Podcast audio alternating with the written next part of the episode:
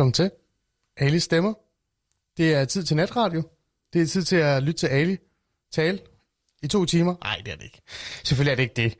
Det er jo ikke den form for natradio, vi laver. Det er jo ikke en eller anden form for monolog med ældre mænd, der snakker om deres grill. Det lader vi lige ligge for en stund. Det er Alis øh, stemmer, du hører til. Nu skal vi øh, i gang med at tage et emne op, ligesom vi altid gør her om, om natten. Vi skal øh, tage det seriøst. Vi skal have en form for fokus på et specifikt øh, emne, eller et, et jeg vil sige, en dilemma, eller bare noget, som er svært eller mærkeligt at tale om. Øhm, og det er jo et eller andet sted mig, der sætter øh, menuen. Det er sådan, har det altid været. Og i aften gør jeg det igen. Øh, den her gang er det sådan lidt mere sådan, hvad kan vi kalde det, oplysende og mere orienterende, men også undren øh, fra min side. Øh, emnet er ikke så tungt, men emnet er ekstremt vigtigt, vil jeg mene. Og øh, så tænker I, kære lytter, hvad er det egentlig så for et emne, han øh, virkelig taler om herude? Øh, det er, hvordan går det egentlig med ungdommen og politik? Altså, når jeg siger politik, så tænker jeg, er de overhovedet politisk aktive? Er de politisk bevidste? Kæmper de for noget? Øh, eller kæmper de for at øh, is, altså, sælge sig selv på Instagram, eller hvad det nu end er? Altså, hvad er det egentlig, der sker? Hvad rører sig? Hvis man skal være lidt fræk, øh, så er der jeg vil ikke sige fræk, men når man spørger sådan generelt den ældre generation, nu er jeg jo selv årgang 82, men hvis vi tænker årgang 82 og længere tilbage, så kommer der altid den der øh, nostalgiske tanke eller idé om, at ungdommen er sådan lidt, altså de har, de har travlt med alt muligt andet, og de er ikke så, de er ikke så bevidste, politisk bevidste eller aktive, som vi var dengang og sådan noget. Men jeg, men jeg vil faktisk på en eller anden måde, efter jeg har tænkt lidt over det, efter jeg har lavet de her programmer med alle stemmer, så tror jeg, jeg er kommet frem til den konklusion, at jeg tror, at ungdommen øh, nu til dags er mere bevidst om, hvad der reelt sker, og hvad det er, de kæmper for, og hvorfor de kæmper for det, de kæmper for. Og jeg tror faktisk også, de er mere politisk engageret, end man tror, de er. Men det kan jeg jo ikke rigtig finde en, et svar på øh, alene. Så derfor så har jeg besluttet mig for at alliere mig med Anders Storgård, for eksempel. Lad os starte med ham. Anders, velkommen til. Tak fordi jeg var med. Jeg har glædet mig. Jamen selvfølgelig har du det. Det er jo alle stemmer. Øh, Anders, prøv lige at fortælle lidt om dig selv. Hvem er det egentlig, du er, eller har været inden for politik, kan man jo sådan sige? Ja, og det er jo altid dejligt, når det første spørgsmål, man får, det er, hvem man har været, og ikke hvem man er. Øh, det var så lidt, Anders. Det kører, så ved man, det kører godt. Jeg, jeg er tidligere landsmand for konservativ ungdom, øh, hvor jeg også har været aktiv, øh, siden jeg var 11 år gammel. Ja. Øhm, så man må sige, at jeg har været aktiv i mange år i udenrigspolitik, og der har jeg lavet ja, næsten alt. Jeg har siddet i forretningsudvalget, været lokalforeningsformand, været formand for det tværpolitiske liv, hvor jeg har mulighed for at lære rigtig mange, også folk, jeg er uenig med, øh, bedre og bedre at kende, øh, og det har givet mig enormt meget. Du sagde, hvor gammel var du, du, da du første gang blev sådan rigtig politisk aktiv? Jeg var 11 år gammel. Det er meget, øh, meget ung. Og nu sidder du her klokken 00.07 i en blæser sammen med mig, øh, kan jeg se, øh, fra København, og med i mit program. Det er jeg jo glad for. Jamen, øh, tak. Det er godt. Øh, og jo, og jo, det er meget, meget tidligt, og det ved jeg også godt. Og det er også tidligere, end de, end de fleste starter. Og så kan man spørge, hvad får så en til at melde sig ind i konservativ ungdom som 11-årig? Altså, der er nok mange, der har sådan en fordom om, at mine forældre de er sikkert mega konservative. Øh, og det er overhovedet ikke tilfældet. Mine forældre er hverken politisk aktive eller, eller konservative. Jeg tror egentlig bare, hvis jeg skal være helt ærlig, at jeg var lidt nørd.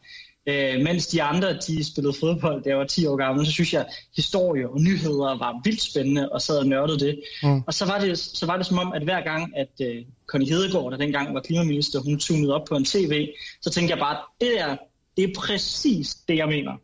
Og så øh, havde vi en ven af familien på besøg, der var medlem af det konservative folkeparti. Øh, og da jeg så sagde det, så var han sådan, Nå, hvorfor bliver du så ikke medlem af konservativ ungdom? Så kan jeg huske, min reaktion var sådan, hvad, kan man gå til det, ligesom man kan gå til spider eller til fodbold? Fedt mand, det prøver jeg. Og så hoppede du ud af det. Ja, men det var interessant. Øhm, du er jo lidt mit gæstemedvært øh, i aften. Du kommer til at hjælpe mig med at navigere rundt i det her politiske ungdomsmiljø, øh, eller øh, altså bare selve, jeg vil ikke sige, hjælpe mig med at forstå det, men hjælpe mig med at, sådan at guide mig lidt igennem i forhold til de emner og de ting, der nu er, og måske også lidt rette mig lidt, hvis der jeg har nogle mærkelige øh, ja, konklusioner. Men, men Anders, det kan jo ikke bare være os to, øh, der bare øh, slutter slaget op for, for ingenting. Jeg har jo inviteret to andre med, øh, som faktisk øh, er i studiet i Aarhus. Nu er du jo i København, øh, og vi sender jo øh, live fra Aarhus-studiet, øh, Midtbyen, som det hedder her i det jyske, ikke downtown, øh, som i København. Og her har vi festugen. Vi har ikke uh, distortion, heldigvis for det. Og, uh, men det er jo, lad det ligge, det er noget helt andet. Det er overhovedet ikke negativt tale i forhold til København. København bashing, som det hedder. Jeg har andre i studiet. Tilde, velkommen til. Fortæl lidt om dig selv, Tilde. Hvem er du, og hvorfor står du i mit studie?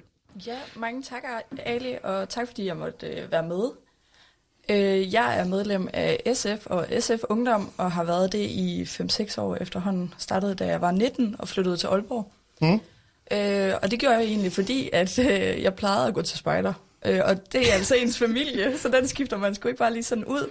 Og så tænkte jeg, hvad kan man så lave? Mm. Øh, og jeg har selvfølgelig læst samfundsfag på A-niveau i gymnasiet. Ja, det skal man jo. Øh, så øh, jeg tænkte, ved du hvad, det der politik, det skulle også meget fedt. Øh, og så var jeg nede og kigge i, i SF Ungdom, og tænkte, hold da op nogle hippier. Og så tænkte jeg, de må være mere end det. Fordi jeg skulle ikke sådan, nu står jeg her i en øh, fin rullekrav, men det er ja, også det gør du. Vist, ja, det er en, en rød, eller ja, ja sådan lidt semirød. Rust, ja. Øh, rustfarvet. Men så blev du politisk aktiv allerede yes. her. Ja, og nu ja. er du SF-kandidat? Øh, ja, til regionsrådsvalget her i Region Midtjylland. Okay, ja, det var da. Og, og faktisk øh, radiodebut? Ja, også det. Ja. Det er meget spændende. Hvordan har du det lige nu? Lidt nervøs. Okay, men det gør ikke noget. Vi skal nok hjælpe dig igennem det her. Øh, fordi vi har også en anden gæst i studiet. Øh, Mads? Hej. Velkommen til. Tak for det. Mads, øh, hvem... igen. Ja, igen faktisk. Du, du var lidt med i et andet program i forhold til et andet emne. Det var mere det her med, hvad skulle vi egentlig gøre, når corona forsvandt. Det gjorde den så ikke. Den er stadigvæk. Ja. Men Mads, øh, lad os holde fokus i dag, fordi at, øh, der er også en grund til, at du er med, Mads. Hvorfor er du med? Jamen, øh, jeg stiller... Oh, sorry. Jeg stiller op til byrådet i Aarhus for Radikale Venstre, øh, medlem af Radikale Ungdom. Øh, ja, jeg ved ikke... Hvor lang tid har du været medlem af Radikale Ungdom? ja, øh, jeg meldte mig ind i 2017, efter at have været lidt øh, forbi nogle andre partier og sådan noget. Men altså, okay. altså, jeg har været politisk aktiv siden 2013. Okay, og hvor gammel var du der? Der var jeg 17. 17. Så Anders var... Hvor gammel var du, Anders? Igen? 11. 11. Tilde, hvor gammel var du? 19. Og 17. Det er jo meget... Øh, det er jo, det er jo ungt. Det, det er en ung start. Anders fører sig selvfølgelig der, men det er i hvert fald ondt. Øhm, da jeg var 12, 13, 14, 15, 16, 17, 18, 19, der øh, var jeg fuldkommen ligeglad med politik. Altså helt seriøst, ej, det den giver... Ja, jeg spillede fodbold, og jeg gik efter damer, og øh, det var sådan det, mit liv handlede om. Altså jeg har fulgt med i, øh, i politik, især internationalt. Jeg var ikke så glad for national politik, jeg synes, det var kedeligt. Øh, og det er ikke, fordi jeg sad og kiggede på Gaza, Vestbred Bank eller en mærkeligt. Det var overhovedet ikke det, jeg interesserede mig. Jeg interesserede mig sådan storpolitik, øh, Kina, øh, Rusland, alle de her ting. Jeg synes, det var super spændende, men det danske, sådan, og hvad der skete omkring mig, det var jeg faktisk ærligt talt ligeglad med. Øhm, og det er jo netop det, vi skal tale om i dag. Det er ikke, fordi vi skal sammenligne, men det er sådan for at få en idé om, hvordan det egentlig står til, altså i forhold til den her generation, jeres generation, og også den yngre generation. Altså yngre end jeg i virkeligheden. Den næste. Øhm, jeg har en anden gæst, jeg gerne vil trække ind i studiet lige om lidt via telefon, men vi venter lige med at få hende ind, for jeg vil gerne høre jeres mening omkring det her. Det er et meget åbent og stort spørgsmål, men jeg gør det Lad os prøve at gøre det kort, og lad os gøre det simpelt. Mit spørgsmål er til dig, Tilde. Lad os starte med dig. Nu når du har debut, så kan du lige godt lægge ud. Øhm, Tilde, er ungdom mere politisk bevidst, end vi går rundt og tror, de er? Ja, altså det er de i høj grad. Og vi kan også se bare for eksempel i SF og i SF Ungdom, at øh, der er flere og flere unge, der melder sig ind. Det er rigtig meget klimadebat, det er rigtig meget sådan, værdipolitik, for eksempel integrationspolitik. Det var også derfor, jeg ikke selv meldte mig ind i Socialdemokratiet. Øh, fordi dengang jeg gik i gymnasiet, og jeg skulle til at stemme første gang, så var det som om Helle Thorning øh, lige rykkede lidt tættere på Dansk Folkeparti, og det synes jeg ikke lige var så rart. Mm. Øh, så jeg tror, det er rigtig meget det, der rører sig, altså medmenneskelighed generelt, øh, mm. og så klima. Mm. Det var det, der motiverede dig. Ja. Tror du også, det er det, der... Øh, altså, hvis du skulle... Og vi kommer senere ind på det. Men hvis du skulle lægge sådan... Hvis du sige to emner, som de unge primært øh, har fokus på, eller det, der altså, driver dem til faktisk at være politisk engageret, og i virkeligheden også på en eller anden måde blive aktivister, som igen vi kommer lidt på senere. Hvad skulle det være for to emner? Til? Jamen det, det er klart øh, klima og miljø, der er den helt store. Mm. Øh, og så tror jeg, det er sådan noget som integrationspolitik. Øh, og nogle gange også altså sådan noget som boligpolitik, øh, for eksempel hvis det er kommunalt. Mm. Øh, men rigtig meget sådan noget. Mm, okay. Øh, Madsen står og ryster lidt på hovedet, men, men Mads, nu det er jo ikke en debat, vel? Nu nej, er det en hyggesamtale. Ikke? Du har rullekrav på, og øh, du virker hyggelig, og du er radikal venstre. Så have det i mente. Øh, er ungdom mere bevidst? Jamen, det er, politisk bevidst? Det er jeg helt enig med i. det er jo mere i forhold til, hvorfor... Oh, sorry. Øhm, det er mere i forhold til, hvilke emner, så tror jeg altså mere, det handler om ja, klima, og så tror jeg også, uddannelse er ja, sådan det næststørste. Mm. Hvis ikke det største, mm. det ved jeg ikke. Mm. Men altså, Fridays for Future er jo et glimrende eksempel på, mm. at ungdommen er super aktiv. Det behøver ikke nødvendigvis være i partierne, men også i alle andre bevægelser. Mm. Okay, cool. Øhm, Anders, hvad tænker du? Er ungdommen mere bevidst end det, vi tror, altså i hvert fald politisk engageret? Jamen, det kan jo godt blive sådan en name-dropping af emner, som vi hver især går op i, og så kan vi sige, at, at, det, at det er det, ungdommen kæmper for. Men jeg tror, hvis vi nu skal være ærlige, så er ungdommen enormt segment, segmenteret. Altså nu bliver der nævnt Fridays for, for, for Future, og ja, det er der helt sikkert en del unge, der er aktive i, men også en meget lille andel af de folk, der, der er unge, der er aktive i det. Jeg tror, man skal passe meget på med at sætte ungdommen, især i dag, over en kamp og sige, ungdommen går op i klima, eller ungdom går op i for, for forskellige ting. Jeg tror, på nogle måder der er ungdommen mere politisk aktiv, øh, i hvert fald i vores øh, forældres generation har, har været, og på andre måder så er det bare enormt blandet. Øh, nogle er enormt politisk aktive, andre, andre, andre er ikke. Og jeg kunne godt ønske mig, at ungdommen var endnu mere politisk aktiv. Men vi må nok også anerkende, at, at især i dag, så, så er det enormt segmenteret, hvad det er, folk går op i. Mm. Anders, jeg kan huske, at øh, da du var formand for konservativ ungdom, der, altså, det var jo ikke kun dig, der var også mange andre, I var rundt i, i skolerne og havde skoledebatter. Øhm, hvad var din erfaring med, med den politiske bevidsthed øh, blandt folkeskoleelever, altså den, øh, den alders, øh, hvad kan jeg sige, gruppe? Min, min erfaring var tre ting. Et, at ungdommen øh, faktisk synes, politik er spændende, og hvis det bliver serveret for det i et format som en debat, hvor folk rent faktisk er ude, det andre unge, de også kan, kan snakke med, så synes de egentlig, det er spændende nok. De synes måske ikke, at politik er spændende, fordi de er trætte af nogle politikere, der skændes, men de synes, at politik kan være spændende nok. En anden ting, som jeg især blevet mærke i, det er, at ungdommen er overhovedet ikke ekstreme. Øh, når jeg kigger på vores forældres generationer, så er der mange af dem, synes jeg typisk, der tilhører de folk, der stemmer på yderfløjene, hvor det, vi så til, til skolevalgene igen og igen, det er jo, at de fleste unge, de øh, stemmer på ja, de fire gamle partier og de mere traditionelle midterpartier. Så jeg synes egentlig, der er en tendens til, at ungdom er mere afvejet. Og så den, den tredje ting, det er, at hvis man tror, man skal tale ned til unge for at få deres interesse, så øh, oplevede jeg, at man tager fejl hvis man møder ungdommen respektfuldt og taler til dem, hvis man vil tale til voksne, så, øh, så øh, lytter de også mere, fordi så føler de også, at man tager dem seriøst. Så det er de tre ting, jeg har taget, taget med for de debatter, jeg har været til. Super. Vi står og slås med en mikrofon, mens du taler meget, meget klogt. Det er, det er jeg rigtig glad for. Øhm, vi laver den øh, lige om lidt. Øh, Mads, du må, du må stå og hænge lidt. Øh, Silje, så går jeg lige tilbage til dig, før jeg trækker, fordi øh, jeg synes, at Anders har jo fat i noget, det her med, at det er faktisk segmenteret, og der, der er forskellige former for engagement øh, og interesse. Øh, hvad, hvad med dig? Hvad tænker du i forhold til øh, den, du møder eller har mødt, da du startede eller gik ind i politik, og så nu, praksis, for eksempel? Jamen, altså, jeg er meget enig i det, Anders siger. Altså, man kan jo selvfølgelig ikke køre ungdommen over en kamp. Men jeg tror også, altså sådan, jeg tror for mange unge, der melder man sig ind af en grund. Altså du ved, sådan, der er et eller andet, der rører sig. Jeg tror ikke, der er ret mange, der sidder i øh, sådan samfundsfagsundervisningen og bare tænker, ej det der med de der partier, det var sgu da også meget fedt. Der er tit et eller andet, der sådan gør, øh, altså for eksempel det her med klimakampen. Der er virkelig mange unge, der tænker, jamen altså det er sgu min fremtid. Og det er ikke okay, at vi bare altså sådan ødelægger jorden, og jeg vil også gerne have nogle børn, der kan leve fedt.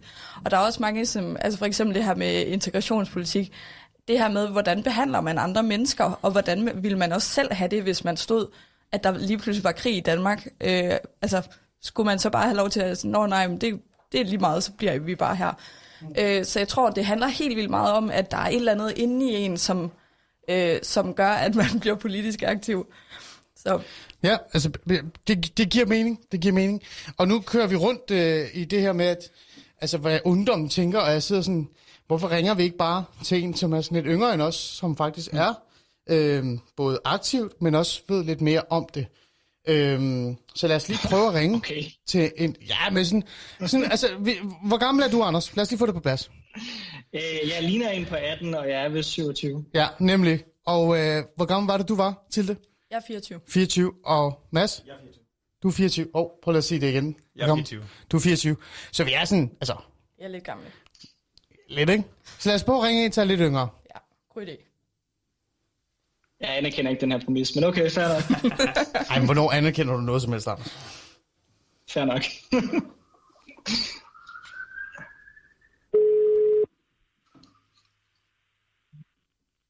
det er Laura. Hej Laura. Velkommen til Ali Stemmer. Du er med direkte nu. Øh, live. Hej, tak. Laura, øh, vi står her og, og taler lidt om, hvad, altså, hvor bevidst ungdom er altså, politisk, altså hvor engageret de er i politik og samfundsdebatter.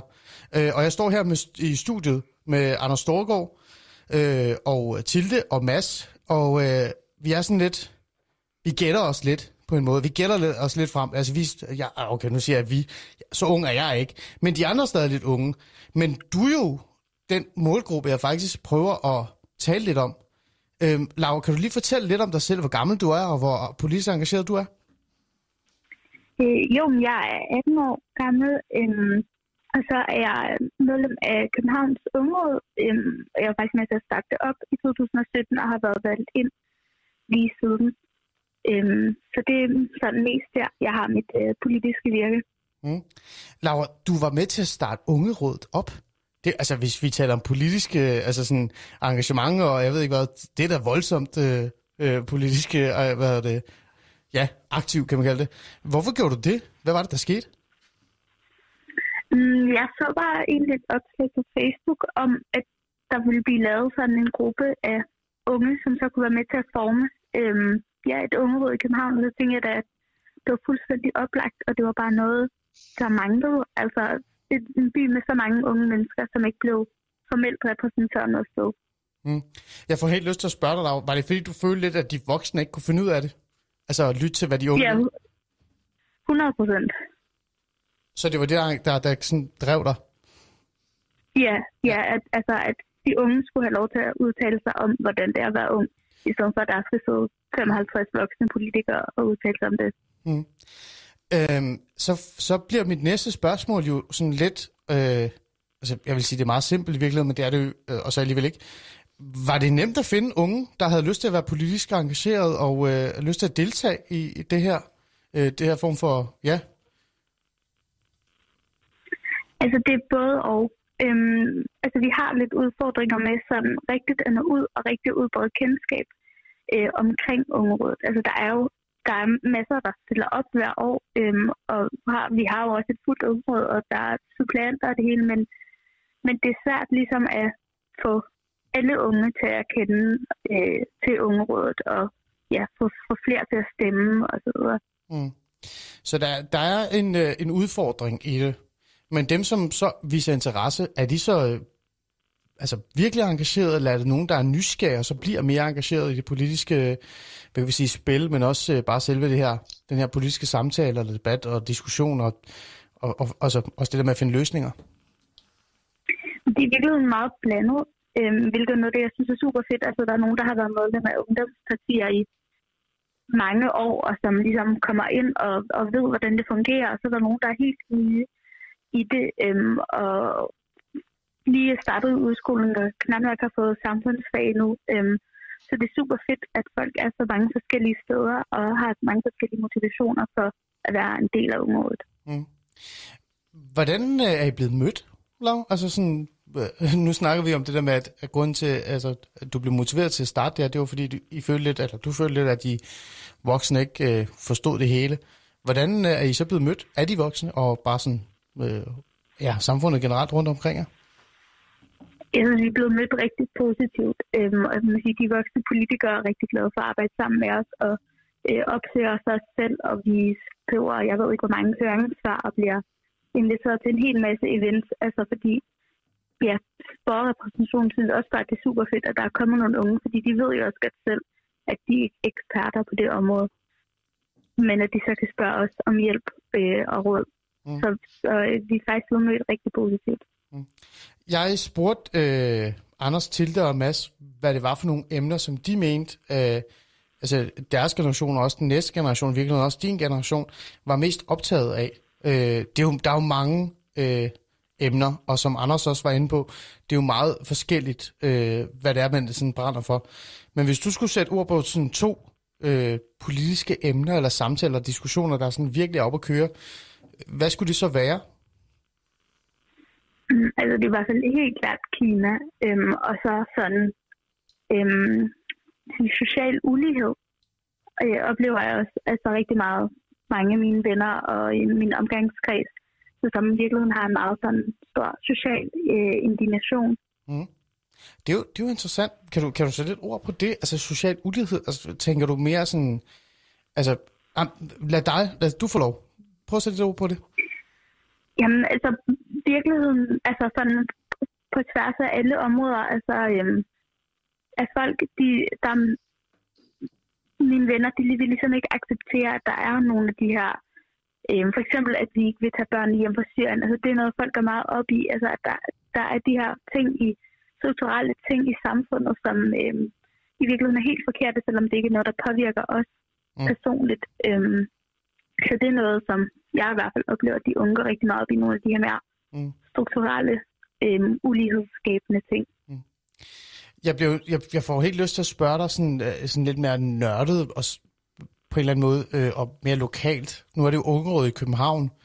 Øhm, hvis vi lægger de der øh, store temaer til side, eller emner til side, Oplever du så også unge, der sådan kæmper for en eller anden øh, rundkørsel, eller øh, laver fart i øh, Københavns øh, midtby? Nu siger jeg midtby bare for at provokere københavner. Øh, men op, oplever det?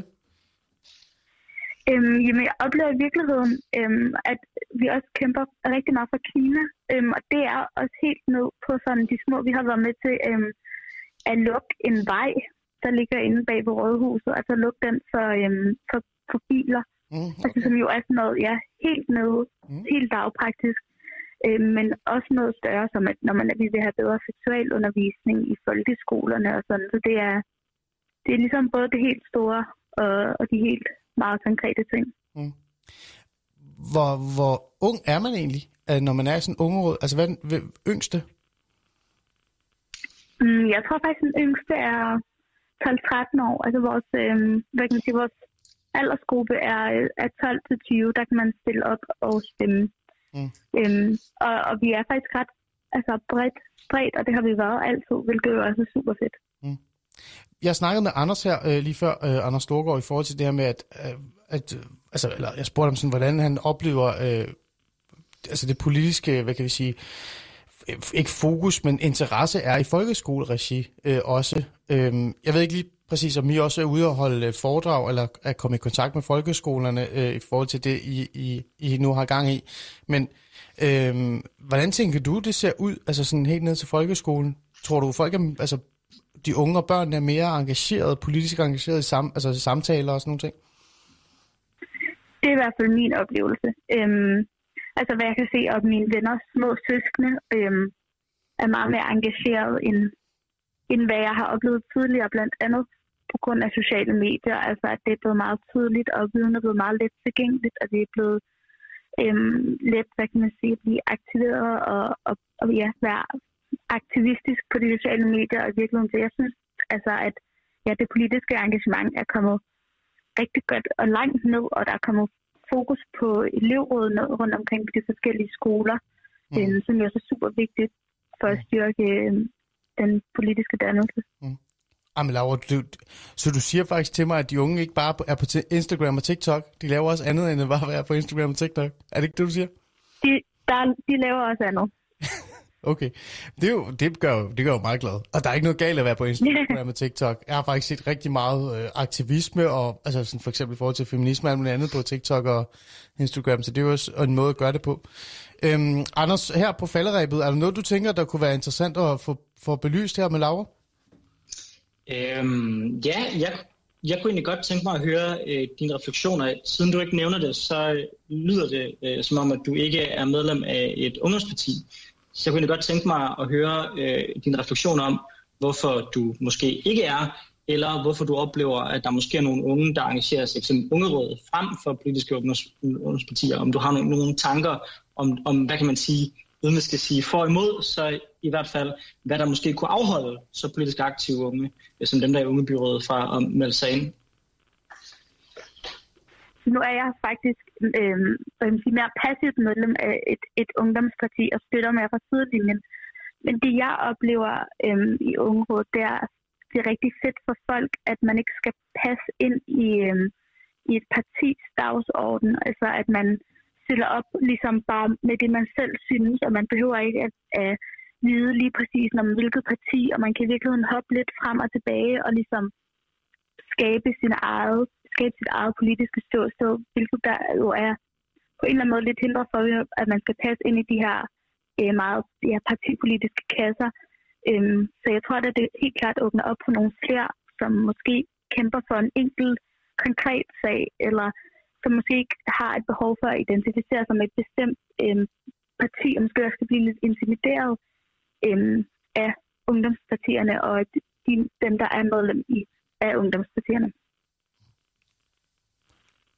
Intimideret, sagde du?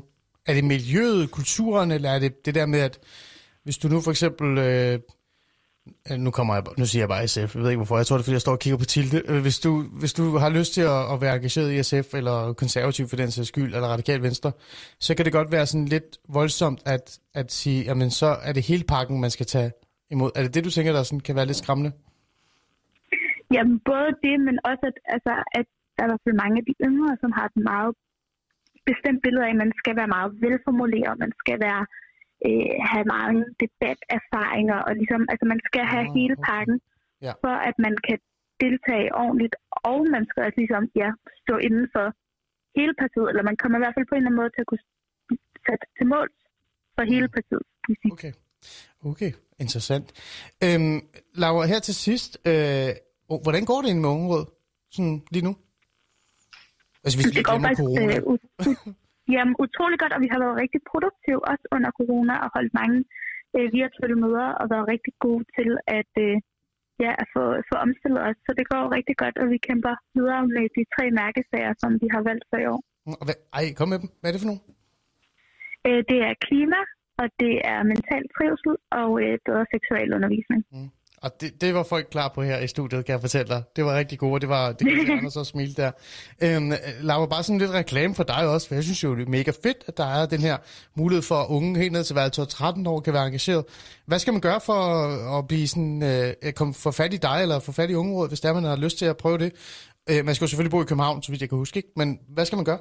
Jo, Altså, øh, man skal bo i Københavns Kommune for at stille op og stemme og være mellem 12 og, øh, og 20 år. Øh, og vi holder valg øh, hvert år i, øh, i efteråret, så det kan man jo glæde sig til. Det falder sammen med kommunalvalget i år. Mm. Øhm, og så kan man få fat på mig på Facebook og Instagram, og øh, man kan få fat på Ungerådet også. Ja, Facebook, Instagram, mail. Vi har et sekretariat, der er klar til at besvare alle henvendelser.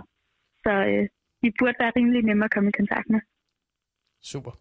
Øhm, her til sidst, er der en, en lille ting, du øh, vil sige øh, i forhold til det der med, at øh, min nysgerrighed omkring altså ungdom og, og, og nogens fordom i forhold til, at altså det der med ideen om, at, at de unge overhovedet ikke er bevidste omkring, hvad der sker omkring dem, og de bare øh, har fokus på selv øh, i sindsættelse. Er der noget, du gerne vil sige til de mennesker her? Øhm, at jeg tror, at det generelt er en rigtig dårlig idé at begynde at stille op aldersgruppe mod aldersgruppe. Altså fuldstændig ligesom, at jeg også synes, det er en dårlig idé, når folk begynder at sige, okay, boomer. Altså, at vi stadig skal prøve at arbejde sammen, i stedet for at begynde, ja, sådan aldersdiskrimination. Og vi skal tro på, at alle, har, alle aldersgrupper har nogle vigtige, øh, nogle vigtige synspunkter. Øh, Anders, du bliver nødt til at lige at svare på din kæmpe thumbs up og står smiley. Hvad, hvad var det, du blev så glad for, da, da Laura sagde det her? Nå, men jeg blev bare helt vildt glad for, for at høre en anden også artikulere den her frustration over, når man øh, gør det til en kamp mellem generationer og prøver at placere generationer i øh, kasser. Altså, jeg har, mødt, øh, jeg har mødt ældre mennesker, der er utrolig lydhøre over for det, som øh, jeg tillader mig at sige, også unge går, går op i. Og jeg har også mødt øh, folk, der passer på alle de fordomme, som man har. Så det generelt, den der generationskonflikt, synes jeg, er opkørt. Og egentlig bare fordi folk gerne vil proppe ting i kasser. Så jeg er egentlig glad for bare at høre en, som, som, som, som synes det samme. Super. Vil du være, øh, Laura, med de ord vil jeg så bare sige uh, tak, fordi du ville være med, og tak, fordi du sådan ville sætte et, uh, ja, sådan lidt mere øh, ja, perspektiv på det, og også hjælpe os med at sådan forstå lidt mere, øh, hvad, de, hvad de rigtige unge tænker. Ikke bare os, der står her og er lidt gamle. Mm. Så tak for det, Laura. Jamen lige meget, det er en fornøjelse. Det er godt. Nå, øh, det var jo interessant. Øh, kigger på dig, Mads. Ja. Hva, hvad tænker du? Øh, især også det her med det her hun sagde her til sidst, altså den her øh, form for, ja, nu må I tage sammen, som Anders også var helt oppe at køre over. I forhold til aldersdiskrimination, eller? Ja, præcis. Nå ja, så jeg skal lige tage dig på. Øh, ja, jamen altså, hvad tænker jeg? Jeg tænker, Jamen, det, det tænker jeg egentlig er meget fornuftigt sagt. Øhm, jeg tror også, det, man skal passe på med, at det ikke kommer til at skabe en eller anden kløft mellem generationerne, der ligesom kan... Hmm. Vi skal også kunne samarbejde, ikke? Øhm. Hmm. Men er der ikke også noget i det der med, at vi måske også øh, ældre, også mig, men, men de næste generationer, eller ikke, de, de ældre generationer, måske også skal sådan have en forståelse for, at det, de unge kæmper for, det er bare nogle andre mærkesager end os. Og det kan godt være, at vi er lidt uenige med dem, eller vi griner måske lidt af dem, men i bund og grund, så er det det, der opfylder, altså optager dem, og de kæmper lige så hårdt for de her mærkesager, eller de her emner, som vi gør for nogle andre ting. Jo, men helt sikkert. Jeg tror også, at altså, jeg tror, at den går begge veje også, det der med, hvis man griner lidt af de mærkesager, som de unge har, så er der nok også nogle unge, der griner rigtig meget af de, som de ældre har, og det, det er måske bare den forkerte måde at se det på. Måske man bare skulle sætte sig ned og snakke om det, øh, uden at det skulle lyde alt for øh, radikalt eller sådan noget dialogkaffe. Ja, okay. Og Mads vil bare gerne drikke kaffe med alle. Det er, det er også fint nok, men jeg kan godt forstå, hvad du mener, og det, og det er også det, der, der, der giver bedst mening til det. Øh, siger du bare ja til radikal venstre her i hjørnet, eller tænker du, der, der er noget andet, vi også lige skal huske på? Altså, jeg tror måske ikke... Øh, altså, jeg er meget enig i det, Laura sagde, og også det, som Storgård siger. Fordi jeg tror, altså, når jeg render rundt i SF, så ville jeg da blive vildt fornærmet, hvis der var nogen, der ligesom ikke hørte efter, bare fordi jeg er 24 år gammel. øh, nå, det ja. er sådan lidt, øh, det, er jo, det er jo vildt fjollet, fordi ønsker mig alder er lidt et tal, uden at sådan lyde super mm. gammel og klam. Mm. Øhm, fordi det, det har jo ikke nogen betydning. Øh, og, og jeg synes egentlig tit, at emnerne egentlig flyder sammen. Mm. Øh, og, og Laura lød rigtig meget også som en, der godt kunne være medlem af SF og SF Ungdom, fordi øh, klima og ulighed er jo sådan meget det, vi kører. Mm. Øhm, hvor jeg tror egentlig, man skal bare arbejde sammen i, i stedet for. Det er i hvert fald også det, jeg mærker i SF og i SF Ungdom, at, at når vi øh, slår pjallerne sammen, for eksempel til valgkamp, så er det altså det, der fungerer. Fordi man får sgu ikke øh, hverken valgt øh, unge eller gamle ind de forskellige steder, hvis man ikke øh, kan finde ud af at arbejde sammen. Mm. Men den her form for aldersdiskrimination i politik, den oplever vi jo også, altså hvor man bliver sådan, man griner lidt af det, sådan lidt håndligt, øh, især den ældre generation.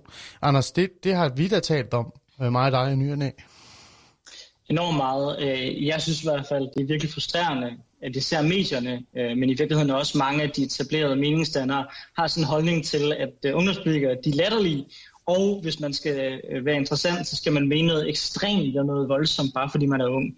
Hvor netop det, min erfaring er, det er langt de fleste unge, de skulle ligesom alle andre. Og derfor vil jeg egentlig også bare gerne advare lidt jeg er enig i klima, at der er der helt sikkert en slagside og en generationskløft. Men altså, lad os også anerkende, at der er cirka lige så mange unge, der er medlem af Generation Identitær, som der er medlem af Extinction Rebellion. Så sådan at kunne sætte fuldstændig på, på, øh, på form og så sige, ungdom er bare hardcore i en retning, det tror jeg, man skal passe på med, fordi mit indtryk er faktisk, at ungdom er sådan rimelig stille og roligt på de de fleste, fleste parametre, og ikke kan sættes på en så klar øh, højre-venstre skala, som øh, selvom jeg synes, Laura havde mange gode pointer, også fik gjort lidt i forhold til ulighed. Mm. Jeg tror, hun havde fået et andet svar i Bjergbro, end hun havde øh, fået ind i, ind i Indre København. Med de ord, så vil jeg øh, lægge op til, at vi skal holde en, en lille pause. Og øh, apropos Bjørn Bro, så øh, har Anders øh, Storgård ønsket en sang, ellers så vil han ikke rigtig være med. Jeg tror, den, øh, den giver ham nogle øh, minder øh, tilbage til dengang, han startede i politik. Øh, måske var det de her mænd, han så op til og gerne ville ligne, efter han havde været lidt politisk aktiv. Anders, er det derfor, du har ønsket den her sang? Øh, nej, det er bare fordi, jeg ikke har kunnet gå i byen i de sidste mange måneder. Det er min partysang nummer et. Okay, ej, men jeg troede lige, det var noget, noget, noget øh, sådan konkret, direkte øh, hen til... Jamen, ved du hvad, det er ligegyldigt. Anders, hvad er det, du har ønsket dig? Lad kom med den. Efter klokken 12, så skal jeg altid høre I Want It That Way. Med? Backstreet Boys. Jamen altså, så er det det, vi bliver nødt til at gøre nu, for ellers vil han jo åbenbart ikke være med. Så kære lytter, øh, hold ud de næste 3 minutter og 33 sekunder, og bagefter google uh, Backstreet Boys og finde ud af, hvad de er, øh, hvis I har lyst til det. Um, Backstreet Boys, I Want It That Way. Yeah. Jeg har jo sunget den karaoke. You are my fire, the one desire. Believe when I say I want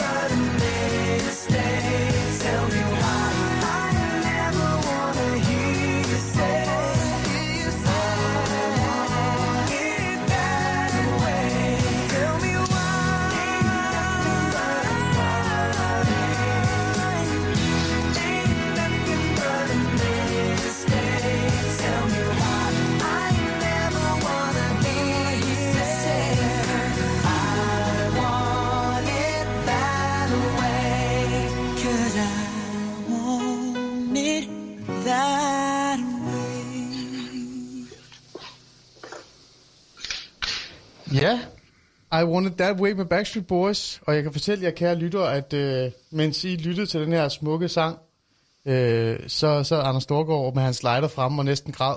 Og det er jo øh, rigtig godt at vide. Ali, Ali, du kan ikke bevise en skid. Nej, det kan jeg ikke. Men det er jo sådan, det er. Man skal jo ikke tage ungdomspolitikere alvorligt i virkeligheden.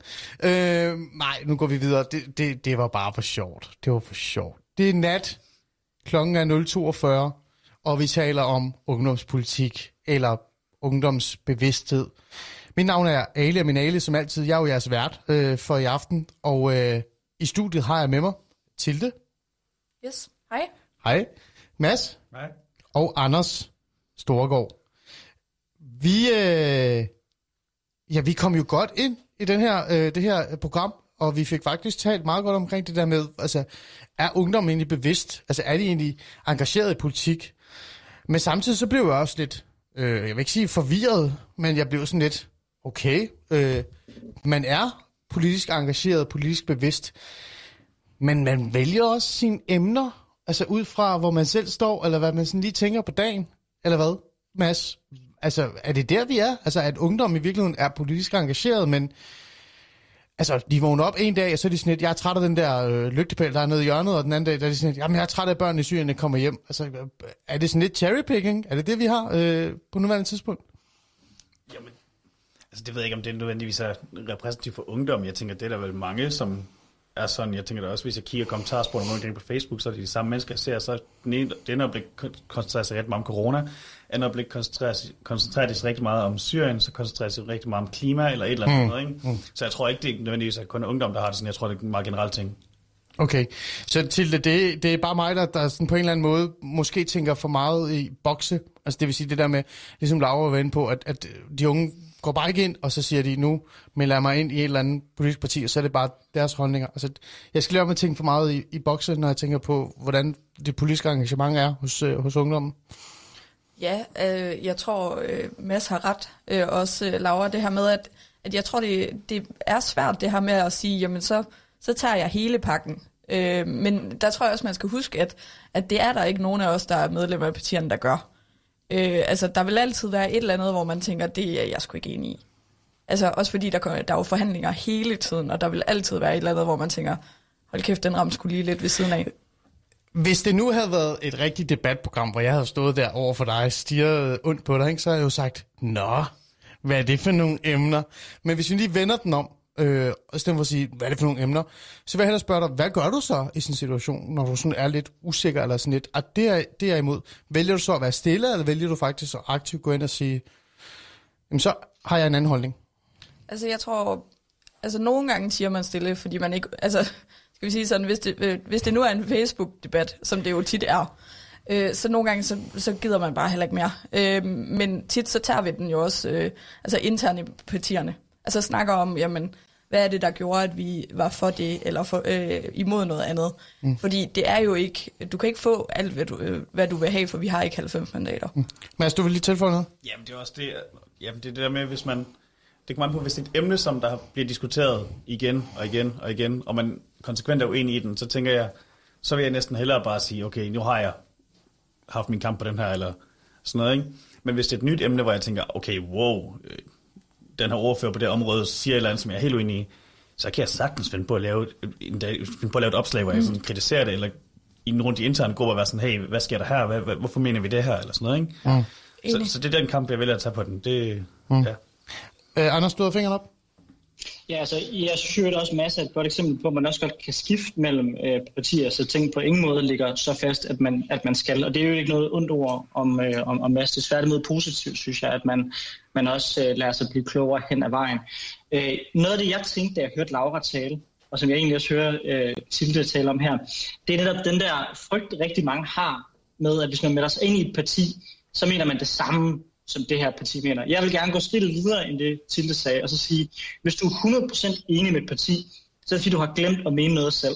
Og hvis der er nogen, der sidder her og lytter med, mm. øh, som afholder sig fra at melde fordi de tror, de skal mene præcis det parti mener, så mener jeg, at de har misforstået, hvad politik handler om. Politik handler om at melde i et parti for at ændre det. Og når man ændrer partiet, så kan man ændre Danmark på, på, på en sigt. Det er netop at prøve at rykke ting i en retning. Og nu sagde du, hvis du var journalist, og du stillede folk kritiske spørgsmål. Jeg tager den gerne, og så sige, jeg synes, at mit parti går for lidt op i klima, er for hårdt på indvandringspolitikken og går for meget op i Nordsjælland. Men hey, derfor har jeg meldt mig ind, fordi det var det parti, der var tættest på det, som jeg mente, og så må jeg jo prøve at skubbe det med den retning, som jeg mener er den, er den rigtige. Og det er det, politik handler om, at prøve at ændre ting. Hvis man, hvis man melder sig ind, og man er 100% enig, så er man jo blevet reduceret til en sælger, og det er ikke det, politik handler om. Mm. Men det er, jo, det er jo politisk engagerede mennesker, som er, som er hvad kan vi sige, aktiv i et politisk parti, ikke? Anders? Virkelig. Jo, bestemt. Ja. bestemt men, det, men det, nu, det, jeg lader mærke til ved Laura, som hun også sagde, det var det her med, at ungdom, eller de unge, øh, som hun møder, eller som også bare er engageret i, i politik og samfundsdebatten, de vælger også deres temaer, deres emner, på baggrund af det, de selv et eller andet sted interesserer sig for på det givende tidspunkt. Så øh, mit spørgsmål var jo lidt, altså de normale, dem som ikke er engageret øh, i et eller andet politisk parti, som netop vælger ikke at hoppe ind i et parti, men står udenfor. Øh, er det sådan en form for cherrypicking? Altså sådan et, i dag der er jeg for Syrienbørn, og i morgen der er jeg for noget andet, øh, og det er bare sådan, det er. Fordi det giver mig noget. Jamen, jeg tror da helt sikkert, at der, der ligger noget, og det er jo ikke kun denne generation, det er også vores forældre, øh, som, hvor man så et voldsomt fald i dem, der var aktive i øh, partier eksempelvis, øh, fordi man, man havde nemmere ved at gå ind i enkeltsager, end man havde ved ligesom at, at sådan gå ind i, i, de, i de større spørgsmål på tværs af sager. Ikke? Øhm, jeg synes jo, at der er flere folk, der burde melde sig ind, fordi selv hvis du går op i en specifik enkeltsag, så er der kun en måde at ændre det på på sigt. Det er jo at få opstillet nogle politikere, der mener det samme.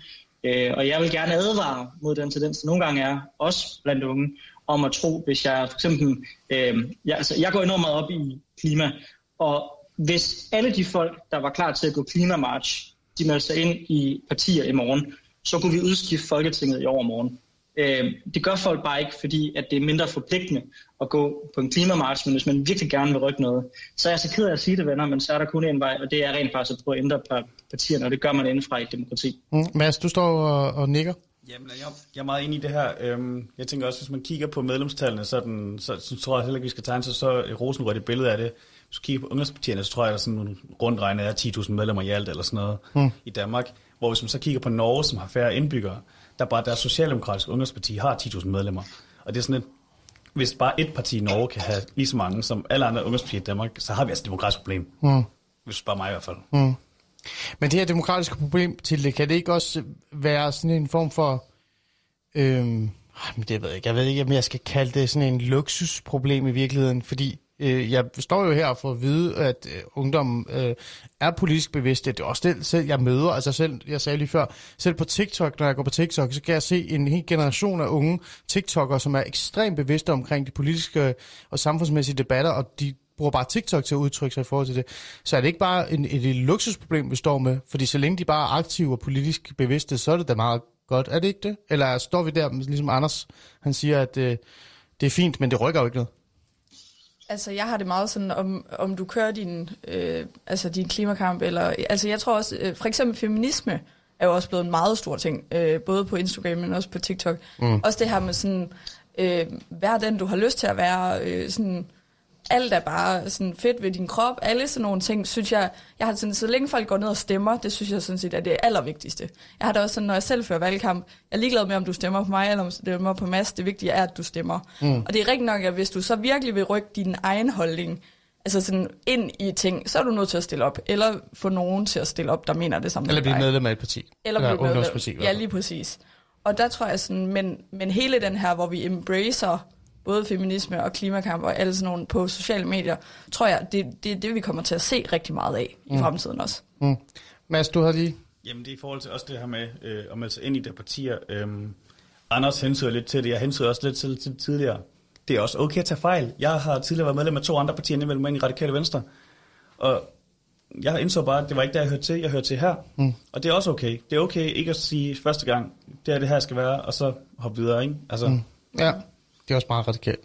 Ja, ja, ja det kan Nej, det skal nok lade være. Øhm, okay, men Anders, det var jo også et eller andet sted noget, du sådan øh, også øh, altså, spurgte øh, Laura om, det her med, hvorfor hun ikke selv var politisk øh, engageret og sådan nogle ting. Øhm, og det er jo kommet sådan fint ind på øh, i virkeligheden. Øh, det, det, er jo så, det ligger jo sådan lidt op til det næste, jeg er sådan lidt... Øh, jeg bliver sådan lidt i tvivl i virkeligheden så overhovedet, om vi skal tale om det, men det synes jeg, vi skal, for nu har jeg lagt op til det. Jeg havde jo sådan en forståelse af, at, eller en idé om, at de var mere, altså ungdommen var mere politisk aktivistiske. Altså, de var mere aktivister inden for et specifikt emne, end de var sådan øhm, partipolitisk engageret. Øhm, giver det mening? Er det der? Er det det? Altså, det, det giver mening, men jeg er ikke sikker på, at du har ret, øh, for at være helt ærlig. Altså, igen, det, jeg ved, at jeg har sagt det mange gange allerede i aften, man skal passe meget, meget, meget på med at øh, fokusere entydigt på de folk, der råber højest eller er mest aktivistiske.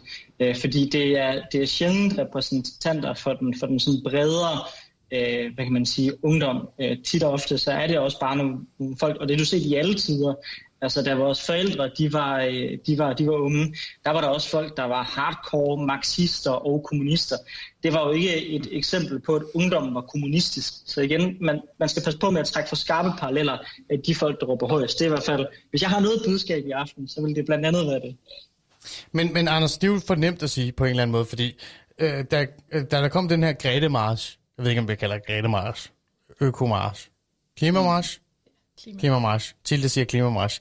Det er meget godt at have Tilde i studiet, så kan jeg bare kigge på hende, hver noget med sådan noget lidt venstre. Så, ja, nej. Øhm, der var jo virkelig mange unge ude. Ja, og jeg ja. deltog også selv, men det betyder jo ikke, at jeg er tilhænger af Extinction Rebellion. Så igen skal man passe på med at tolke ud af det, at, at folk okay. nødvendigvis er enige med dem, der råber højst. Ja, så det er selve graden af, altså...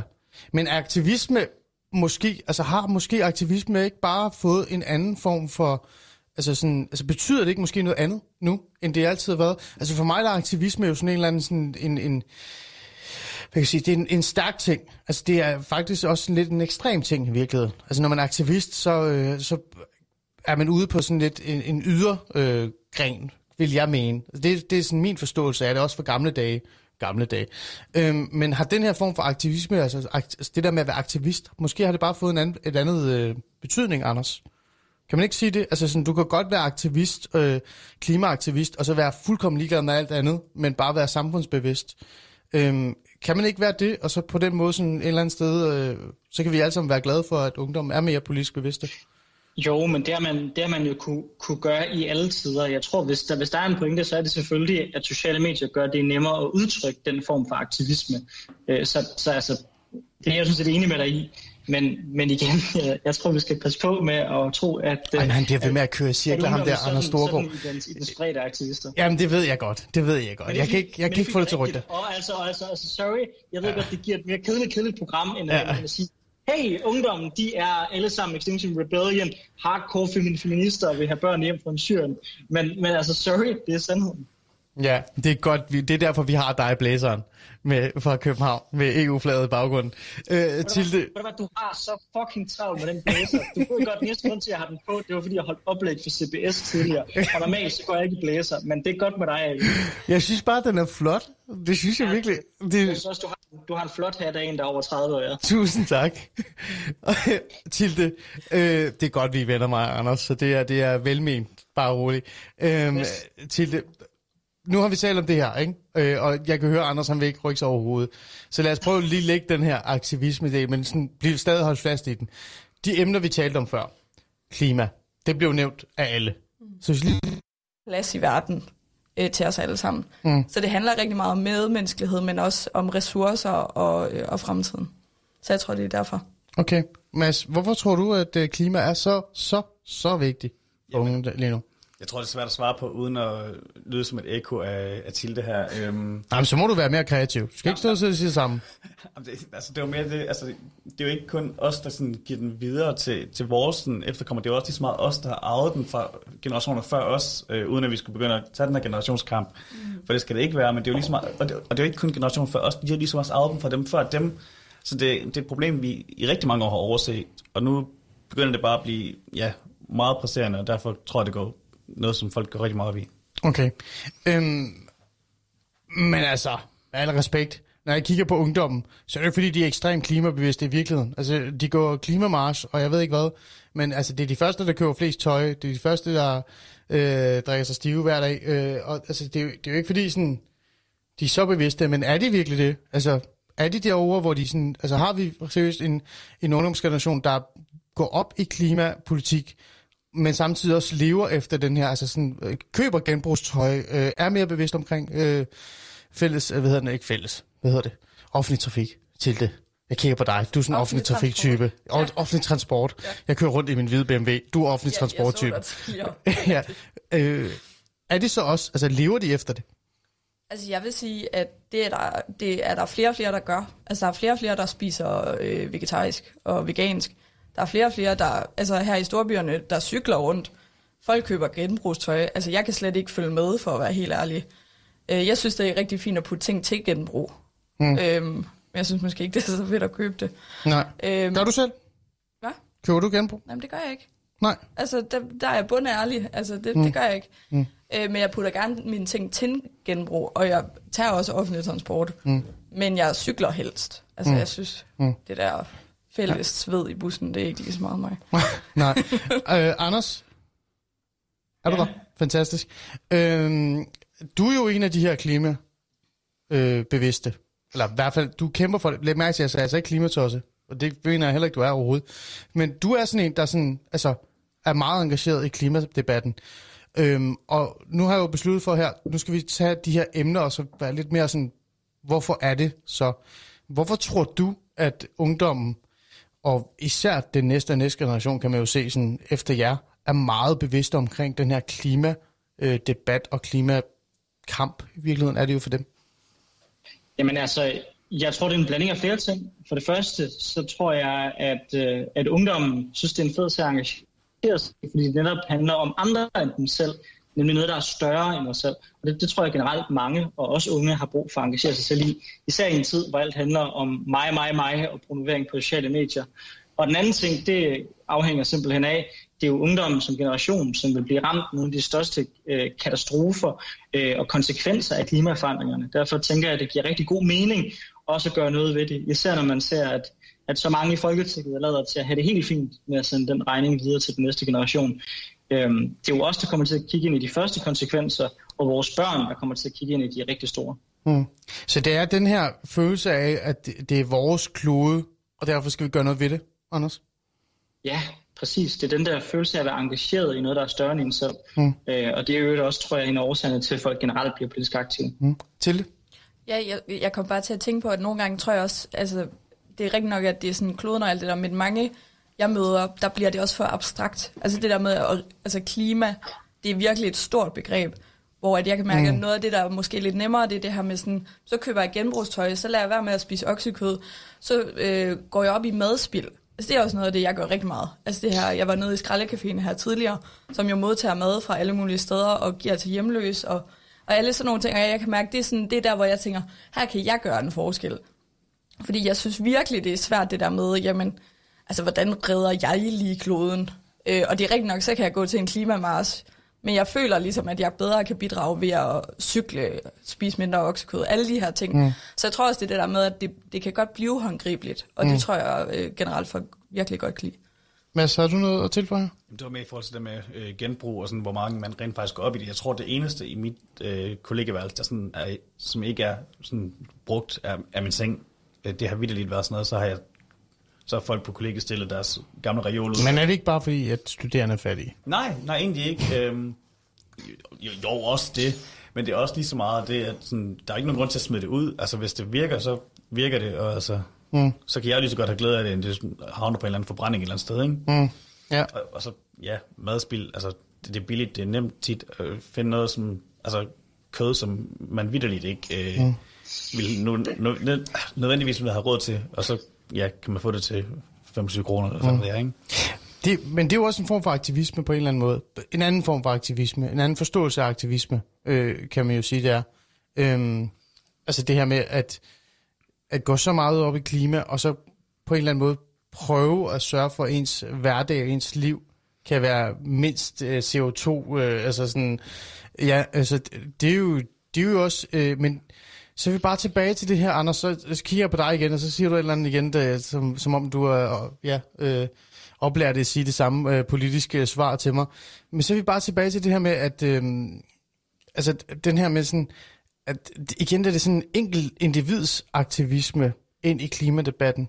Eller er det bare mig, der øh, igen misforstår lidt? Altså, jeg tror, det, du skal specificere dit, øh, dit spørgsmål. For eksempel og det her med... For eksempel det her med og jo, så gentager jeg ikke mig selv, fordi jeg er politisk trænet. Jeg gentager mig selv, fordi jeg mener det, jeg siger. Det tror jeg også, du gør. Øh, og det er også derfor, jeg prøver sådan at finde ud af det her med, at når man sådan på en eller anden måde vælger for eksempel at sige, men så er jeg veganer, fordi jeg vil gerne redde klimaet, øhm, eller jeg køber øh, genbrugstøj.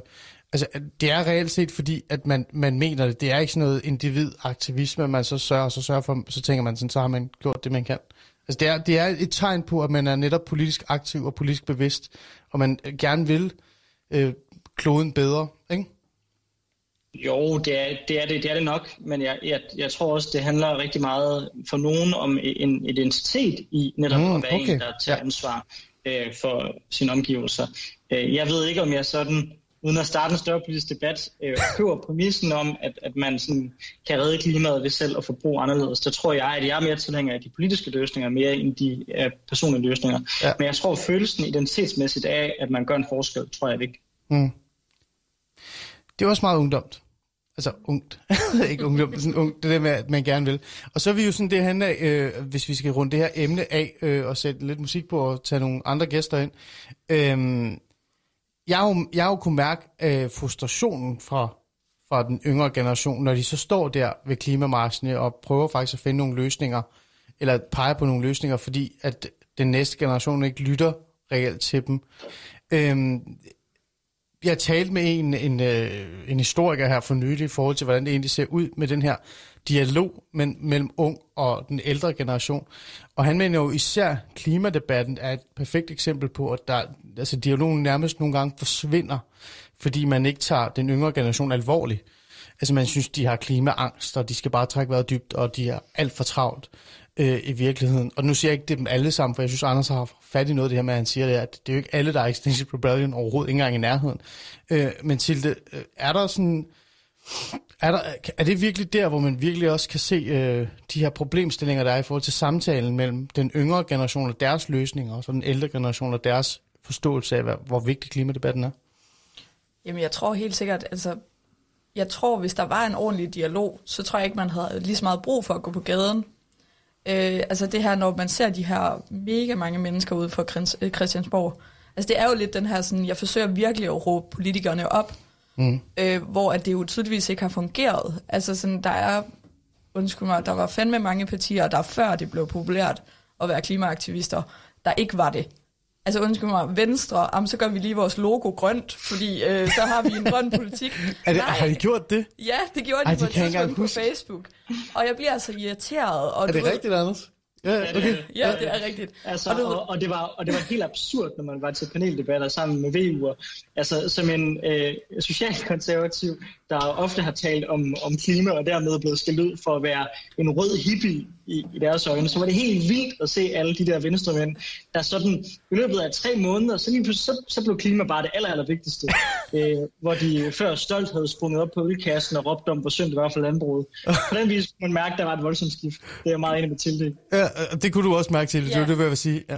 Ja, og jeg tror bare, altså vi grinede lidt, og du ved, vi har også altid joket med sådan, hvis Dansk Folkeparti virkelig er så bange for udlændinge, hvorfor har de så ikke den mest progressive øh, klimapolitik? Fordi man ser jo bare øh, indvandring. Ja, ja, lige ja. præcis. Øh, hvor at, at det er sgu lidt, det er lidt ligesom, når øh, partier går med i Pride'en, fordi det ser godt ud. altså det er sådan, man kan ikke bare købe sig ind i politik, eller det kan man jo godt, man kan tage et grønt slips på. Øh, alle de her ting. Men men jeg tror i hvert fald, det er i hvert fald noget af det, vi ser rigtig meget i SF. Det er det her med, at vi har rigtig mange unge vælgere, og vi har rigtig mange unge mennesker i Folketinget, mm. som går op i klima. Mm. Altså det er virkelig, og det er sgu det, der rykker op. Mm. Og de unge, de gider ikke, altså de gider ikke det der med, at det er bare gamle mennesker, der siger, nu har jeg grøn slips på. De vil, de vil have real action. ja, yeah, real action, Mads. Ja, men det, det, det Action Max er også et godt uh, kaldnavn til dig, hvis det er. Ja, det ved jeg nu ikke. Um, det er sjovt, du siger det der med, med Venstre, for jeg kan til at tænke på DF. Der står Pia Kærsgaard jo på Europavalgs, uh, Europaparlamentsvalgaften og snakker om klimatørser og sådan noget. Ja. Og det, Nå ja, det er rigtigt. Det opdager de, det backfire helt vildt. Og lige pludselig, så begynder DF også at have klimapolitik. Mm. Sådan, fordi der var folketingsvalg sådan noget et par uger efter, mm. og de var sådan, fuck, vi har virkelig trådt i spinaten her, så de mm. var nødt til bare at få en klimapolitik rigtig hurtigt. Mm. Og sådan, om vi er også grønne. Ah, sorry, det er ikke mere end to uger siden, at Pia hun stod og svinede klimaforkæmperne til. Altså. Mm.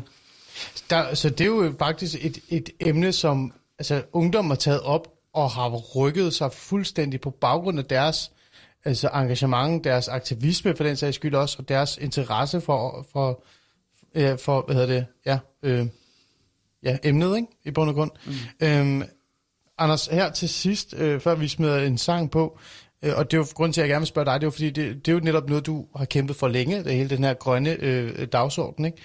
Øhm, hvordan var det egentlig øh, altså for dig at se, at lige pludselig så stod der rigtig mange unge og bare sagde, nu skal det her dele med på, på menuen? Altså var det ikke befriende på en eller anden måde? Forestil dig, at du har haft en hobby rigtig mange gange i dit liv, hvor du har været den mm. der mærkelige dreng over, over hjørnet, som er den eneste, der synes, det er det fedeste emne ever. Og så lige pludselig, fra en ene dag til den anden, så bliver det bare det mest populære, seje, det alle folk gerne vil snakke om.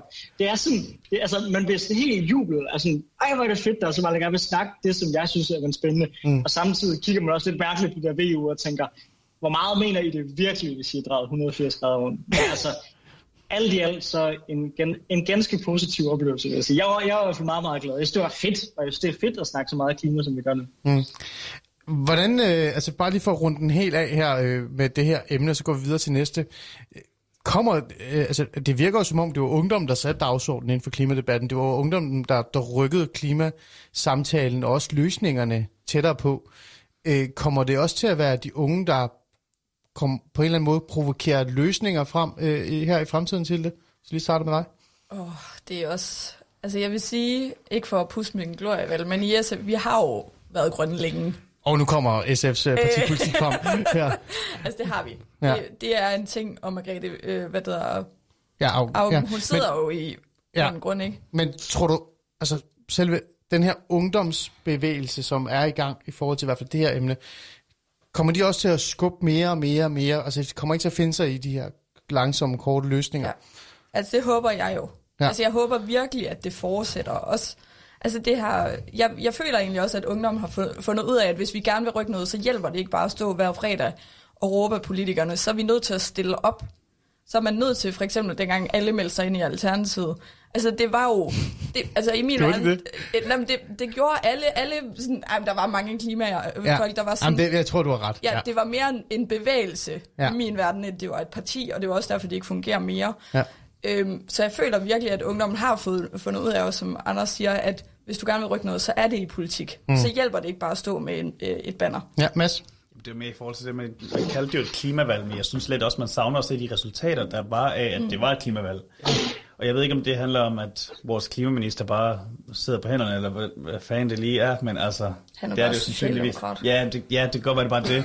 Men altså, ja, jeg synes i hvert fald, det er sjovt, hvor meget man snakker om, det var klimavalg, og alle gik op i. Selv selv Dansk Folkeparti kom med på vognen lidt i 11. time. Øh, sådan et desperat forsøg, tror jeg. Men det er bare, jeg savner bare at se resultaterne. Så har man lavet sådan en klimalov, og ja, ja. Men jeg savner lidt resultaterne, ikke? Men du tror også, du tror også at det bliver ved med at være ungdom, der sætter dagsordenen inden for det her klimaområde? Det håber jeg. Ja, det håber du. Anders, øh, du tror på det, gør du ikke det? Jo, det gør jeg. Øh, Og selvom jeg deler frustrationen over mangel på politisk handling og en regering, der på alle tænkelige måder bare har farvet deres bus grøn, hvor den før var rød, men den stadigvæk er lige så rød indeni, så, øh, så vil jeg også sige, politik handler, det allerførste skridt i politik, det handler om at vinde præmissen og, og vise, at det er en vigtig sag. Og så på sigt, så har jeg egentlig tiltro nok til, at, at vi unge, der går op i det, vi nok skal have forrykket det. Fordi nu har vi i hvert fald vundet kampen om, at det er en vigtig sag, så det er bare om at vinde kampen om, hvad der skal gøres også. Og jeg tror 100% du har ret i det her, og jeg ved ikke, om det er rigtigt nu, jeg siger det her, Anders, du, og lad være med at rette mig, fordi det er, det er sådan en, det det er sådan en uh, historie, jeg gerne vil tro på, for jeg synes, den er sjov og interessant. Jeg har sådan en idé om, at atomkraft reelt set på en eller anden måde dukket op, fordi ungdommen var sådan et, hvorfor taler vi ikke om atomkraft? Øh, jeg har det sådan, den ældre generation er jo sådan meget kritisk over for atomkraft. kigger på dig til det. Venstrefløjen er meget kritisk over for atomkraft. Men, men ungdommen er jo sådan lidt, vi bliver også nødt til at finde nogle løsninger. Hvorfor er det, vi overhovedet ikke diskuterer atomkraft? Det er jo en af de der ting, som øh, de unge lige pludselig bare har kastet ind som sådan en granat, og sagt, det bliver vi nødt til at forholde os til. Øhm, og det synes jeg er jo mega fedt i virkeligheden, at man sådan en eller anden, på en eller anden måde sådan distortion-agtig øh, ødelægger hele den her forståelse af, hvad, hvad, hvad rigtige løsninger er og forkerte løsninger er, ikke? Er, Anders, har jeg ret, eller er, er, helt, er det sådan en drøm, Nå. vi har? Jamen, nej, altså, jeg, jeg, jeg ved ikke, om jeg er enig i atomkraft som det, som det bedste eksempel, men du har ret, ret i, at unge de udfordrer den grundlæggende præmis. Jeg synes mere, man kunne se det med CO2-skatter. Øh, Ah, det atomkraft, atomkraft, ja, det øh, altså... Jeg synes, det er fint, at vi vil snakke om det, og jeg er tilhænger af atomkraft generelt på verdensplan. Men må jeg godt bare lige ganske kort sige, at tale om atomkraft i et land som Danmark, giver ikke særlig godt mening, for det er i høj grad energisiden, vi har styr på, og atomkraft er meget øh, dyre at bygge og tager lang tid at bygge. Så jeg vil ønske, at de der, undskyld, jeg siger det, træls hippier i SF, de har forstået det for 30-40 år siden, men, øh, men, men nu er det vist ved at være lidt for sent, i hvert fald i Danmark for atomkraft, men vi skal selvfølgelig skubbe på for, at øh, atomkraft bliver udvidet i andre lande, hvor det er i forvejen er.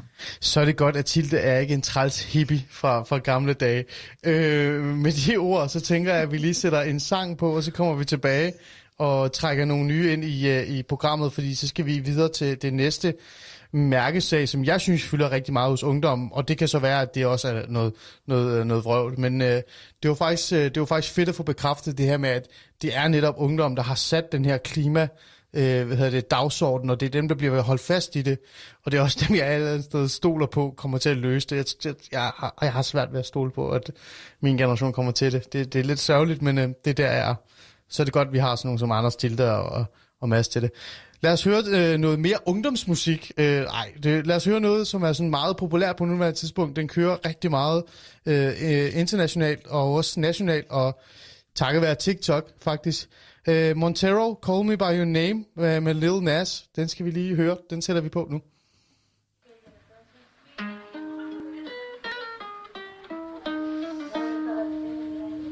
I caught it bad just today. You hit me with a call to your place. Ain't been out in a while anyway. Was hoping I could catch you throwing smiles in my face. Romantic talking, you don't even have to try. You're cute enough to fuck with me tonight. Looking at the table, all I see is bleeding white. Baby, you living the life, but nigga, you ain't living right. Cocaine and drinking with your friends. You live in the dark, boy, I cannot pretend. I'm only you to sin. If you've in your garden, you know that you can. Call me when you want, call me when you need. Call me in the morning, I'll be on the way. Call me when you want, call me when you need. Call me out by your name, I'll be on the way. Like, mm, mm, mm,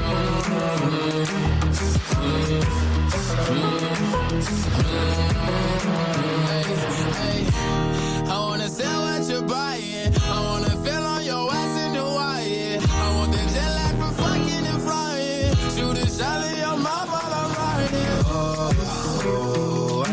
a sign of the times every time that I speak.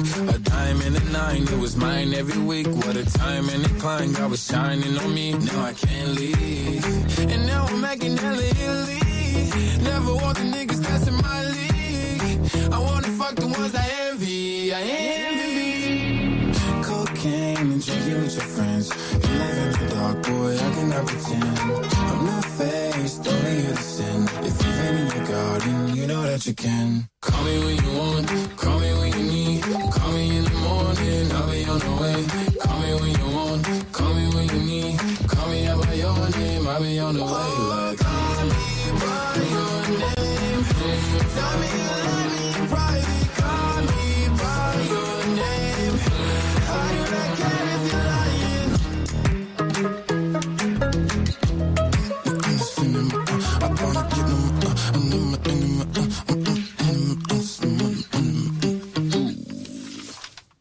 Det var så Montero med Call Me By Your Name øh, med Lil Nas. Øh, meget, øh, meget populær sang.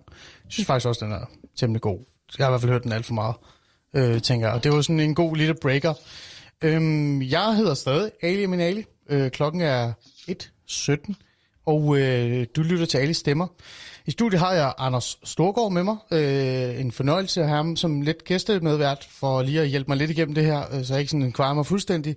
Øh, så har jeg Tilde i studiet, og jeg har Mads, og øh, vi taler om ungdommen og deres engagement i politik. Uh. Øh, altså jeg synes, det var vigtigt. Jeg synes, det er vigtigt at, at tage den her samtale op her øh, i dag, fordi at jeg kan har mærket her de sidste par gange, jeg har lavet øh, de her programmer, så har det altid endt med sådan, at hvis vi skal finde en løsning, eller hvis vi skal have et fokus på noget, så, så kræver det også, at ungdommen er sådan lidt mere engageret og aktiv, deltager i samfundsdebatten. Og så gik det også bare op for mig, at selv sådan en platform som TikTok, der er utrolig meget politisk indhold og samfundspolitisk indhold i virkeligheden, og det glemmer man lidt. Så derfor så tænker jeg, at det kunne være rigtig fedt at have fokus på det. Vi har, har været igennem øh, øh, hele den her samtale om, hvor bevidste er de, øh, hvor engagerede er de, altså den her ungdomsgeneration. Så har vi også talt lidt om, hvad er det for nogle emner, øh, der fylder. Vi har lige nævnt, øh, vi har lige nævnt, eller gået igennem det her emne, som jeg synes fylder allermest, det er klima. Øh, og så har jeg snakket lidt om, hvad er det for noget aktivisme, vi reelt har. Øhm, men vi skal jo have nogle andre stemmer ind også. Nogle, der reelt set også er politisk aktiv og deltager. Og, og jeg tænker, jeg har en Søren, som har skrevet til mig og sagt, at han vil gerne være med i programmet, fordi han også er politisk aktiv. Så jeg spørger at ringe ham op og så spørge, hvorfor han er politisk aktiv, hvad det er han et eller andet sted. Altså hvad er hans grund til at, at, at være det, og hvad han egentlig synes om den øh, kultur, den generation, han ser rundt omkring ham, hans venner og det miljø, han er i. Så lad os lige se, om vi kan få det til at virke her.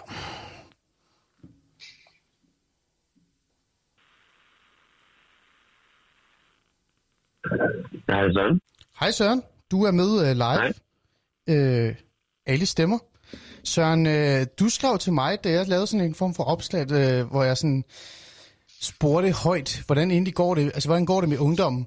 Og så tænkte jeg, før vi går videre med næste emne, øh, med mine øh, paneldeltagere, eller dem, der er med i programmet i aften, så vil jeg lige ringe dig op, og så øh, lige lave sådan en, nå, du er jo en af dem, som også øh, synes, det er vigtigt at sige højt, at de unge er bevidst, politisk bevidst og engageret. Mm. Så øh, bare lige kort, Søren, hvem er du?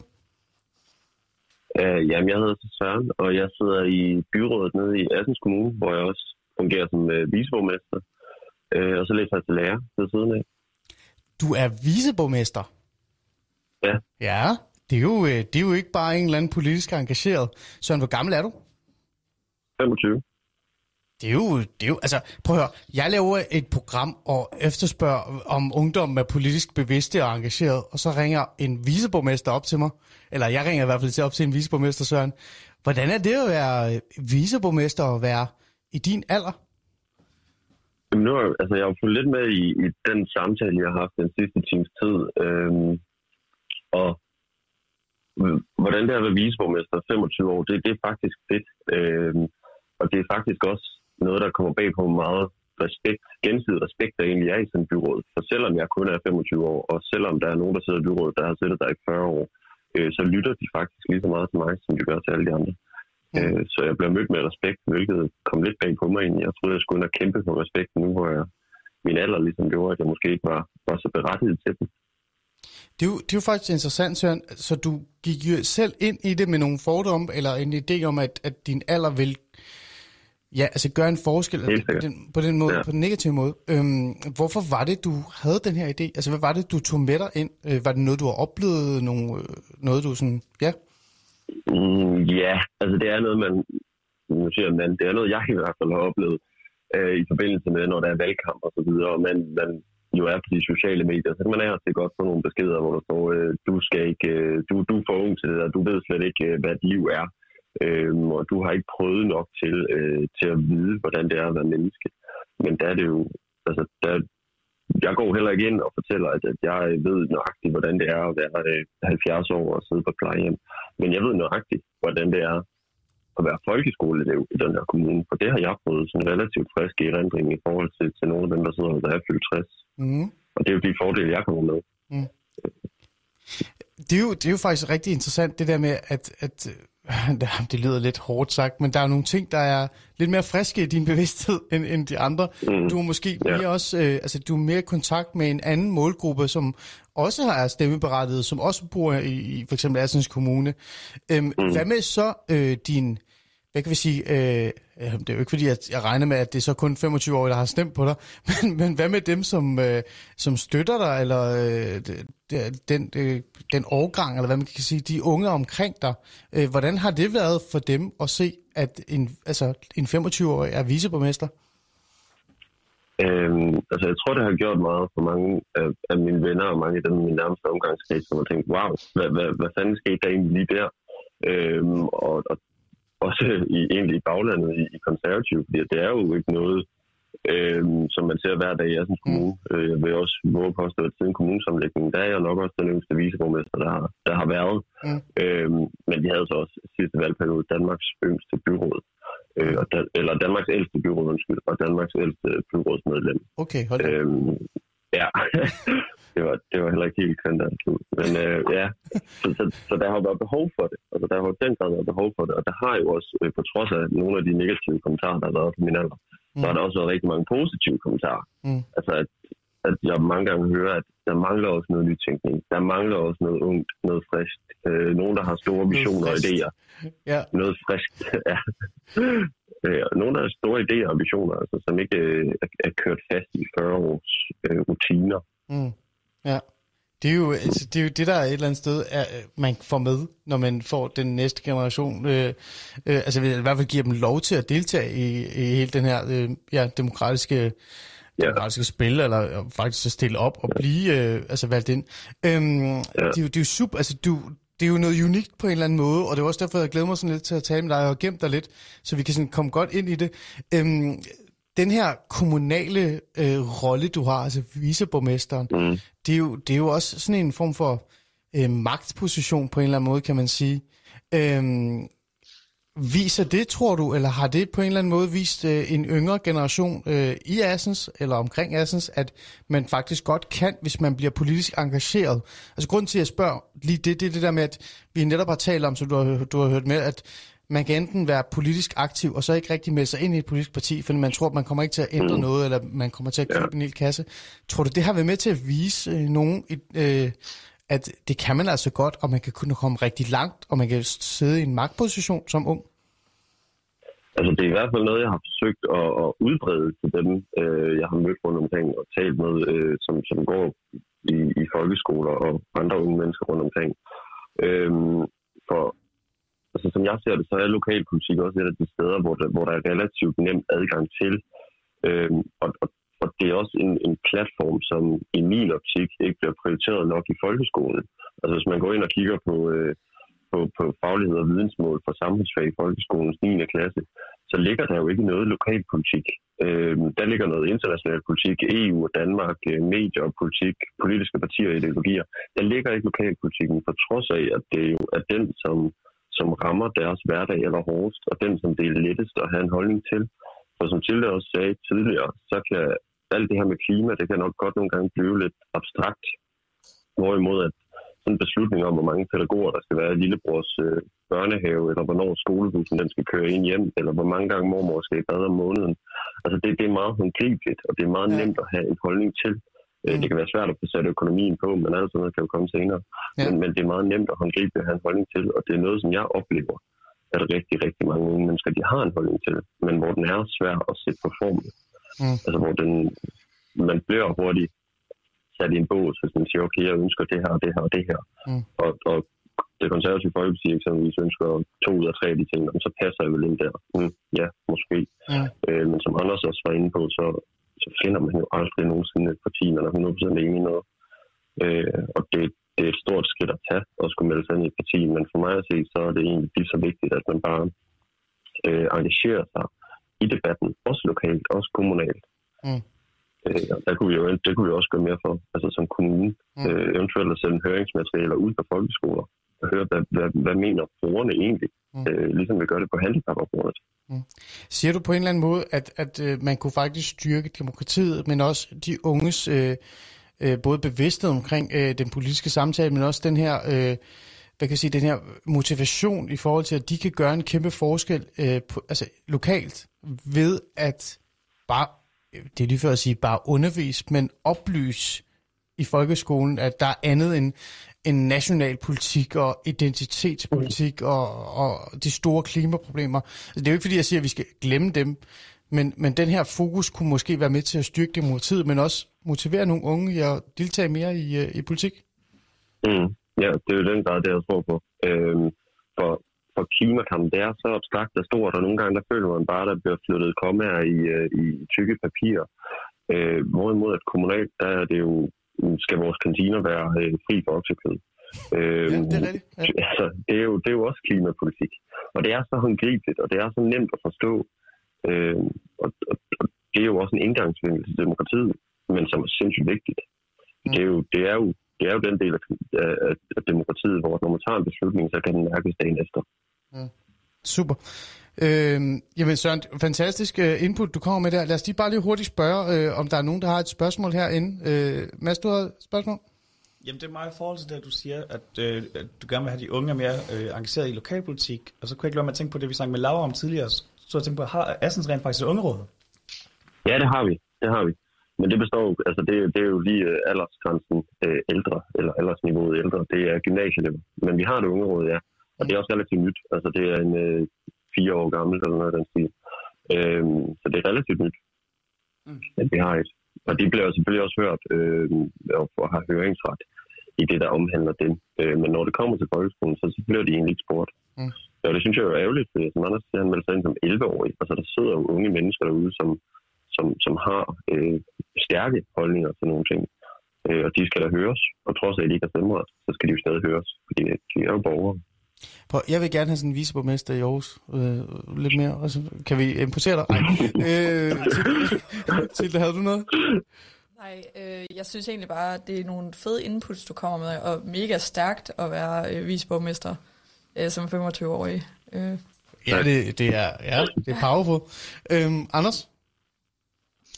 Jamen altså, øh, hvis jeg havde, havde et spørgsmål, så skulle det være, øh, hvordan du tror, Søren, at vi får flere unge til at engagere sig, ikke kun i lokalpolitik, men generelt i øh, politik. Hvordan får vi vendt kurven, hvis man kan sige det sådan? Det er et godt spørgsmål, for der, hvor jeg vil, vil, vil starte, det er jo den lokale og det håndgribelige politik, fordi det nogle gange kan blive lidt for, for, for højflyvende. Øh, og så ved jeg ikke rigtigt, om, om samfundsfag det egentlig er et fag, der er prioriteret højt nok i skoleskemaet. Øh, altså hvis jeg ser tilbage på min egen folkeskoletid, så var det mange gange, hvor samfundsfag det lige blev, slam, blev slået sammen med historie og kristendom, fordi det var den samme lærer, og så vidste man egentlig ikke helt, hvad der var været. Okay. Øh, ja. ja. Interessant. Og, det er jo skræmmende, hvis det, hvis det, hvis det foregår sådan rundt omkring på, på folkeskolerne. Mm. Det er i hvert fald noget, det, er det mit studie kan genkende, Søren, det kan jeg bare lige sige. Øh, mm. Ikke øh, til det over Mads, og jeg er nikket. Øh, kan, kan man gøre noget ved det? Altså, jeg tror, jeg tror ikke lige, jeg tænker ikke, du kan gøre noget med det sådan her i morgen, men øhm, er det måske mere det her demokratiske samtale, der skal ind øh, i, i folkeskolen, og så have fokus på partierne? Ja, altså det, man sige, det ligger jo også i, formål, øh, i formålsparagrafen for folkeskolen, at man skal uddanne og danne eleverne til at kunne indgå i demokrati. Og det, det kan godt være, at folkeskolen har spillet en lille smule for lidt der. Øhm, at, at vi måske er blevet lidt for fokuseret på øh, at hælde viden i hovedet på dem, frem for at, at, at være med til at danne nogle unge mennesker til at kunne indgå i et demokratisk samfund. Øhm, ikke, øh, og dermed har jeg ikke sagt noget om nationale test, men det har jeg lidt lige. Mm. Anders? Jeg, jeg, jeg synes, at alle danskere, uanset om de går i folkeskolen, i gymnasiet, eller om de er ude på en virksomhed, skulle opleve, at der var én paneldebat årligt. Jeg synes også, at de danske virksomheder skulle tage ansvar for det, for at sikre, at den demokratiske debat, den der forsamlingskultur, at den på ja. en eller anden måde bliver genoplevet. Mm. Det tror jeg kunne få flere folk til at blive aktive. Mm. Vi ligger alle sammen. Det var en, øh, en god idé. Øh, tak fordi du vil være med, Søren. Øh, Assens, selv tak. Tak viceborgmester. Øh, en fornøjelse at have dig med, og vi giver alle sammen high fives til dig herfra. Øh, det, det er fantastisk. Øh, hvis man gerne vil i kontakt med dig og høre lidt mere omkring øh, øh, dig, det er bare at google dig øh, og finde dig øh, nemt. Jeg regner med, at du går ud og holder ja, nogle ja, foredrag og virkelig fortælle folk, hvor fedt det er at være dig. Det synes jeg, du skal gøre. Ja, det, du. det, det gør jeg. Ja. Anders, det vil du gerne sige? Og ellers, øh... Nej, hvad sagde du, øh, Søren? Bare kom. Ja, ja, ellers så kan man finde min mail inde på Assens Kommunes hjemmeside. Og det, øh, jeg elsker, når øh, borgere de tager kontakt til mig. Altså, det er noget af det bedste. Okay, jeg får alle Lavs lytter, øh, så mange der nu er, til at skrive til dig i morgen. Bare vent. Så, øh, Anders? Jeg synes jo, Søren er et fantastisk eksempel på, at man kan gøre en stor forskel som ung. Øh, altså, som han, som han nævner, så er Assens byråd, de er tusse gamle. Og nogle gange føler jeg også, at når, når, når unge de undrer sig over, hvorfor er det, der ikke sker nok i øh, politik? Hvorfor er det, de der øh, folk, der sidder derinde, de ikke gør præcis, som jeg gerne vil have? Så skal man bare huske, at, at, at det ofte er fordi, at der er for få folk, som, som en Søren, som rent faktisk tør gå for, som tør tage testen, og som tør sætte sig ind blandt alle de der gamle tusser og sige, har jeg overvejet det her? Øh, og det, der kan man jo ikke øh, sige andet end kæmpe, kæmpe kado for det. Tak. Med de ord, Søren, så tror jeg, at du har fået nok ros for øh, øh, i nat. Så tænker jeg, at vi, øh, vi glæder os til, at du får en masse skæld ud på mailen i stedet for. Øh, det lyder dejligt. Ikke. Tak fordi du vil øh, være med og lige hjælpe os med at, at fortælle lidt om, hvem du var, og hvor, hvor fedt det reelt kan være i bund og grund, hvis man gider at engagere sig. Fantastisk, ikke? Altså i virkeligheden. Og det var derfor, jeg sådan glæder mig lidt til at ringe Søren op, fordi at, at det viser bare sådan, øh, som også øh, Anders var inde på, du kan godt engagere dig, og hvis du engagerer dig, så kan du nå rigtig langt. Og du kan faktisk også øh, øh, komme i mål med rigtig mange, øh, mange af dine øh, drømme og dine ambitioner virkelig inden for politik, men også de mærkesager, du har. Øhm, det, det, jeg et eller andet sted gerne ville tale om næste, det var sådan, at jeg havde sådan en idé om, at så skulle vi tale om identitetspolitik eller andet. Og sådan. Men det var det der med de jordnære, altså hvad kan man egentlig gøre for at engagere øh, de unge? Men lad os lige, øh, før vi lige tager den til sidst og har en god snak om den, så øh, var det jo kommunalpolitik nu, nu ringer vi til en anden en, øh, der hedder Nikolaj, som også har skrevet ind, og det bliver sådan lidt mere, tror jeg, øh, lidt mere folketingsagtigt, nationalt. Øh, lad os lige prøve at ringe Nikolaj op og spørge, hvorfor han skrev til mig om, øh, og altså han gerne vil komme med sit input omkring øh, de unge og deres bevidsthed omkring politik. Sådan.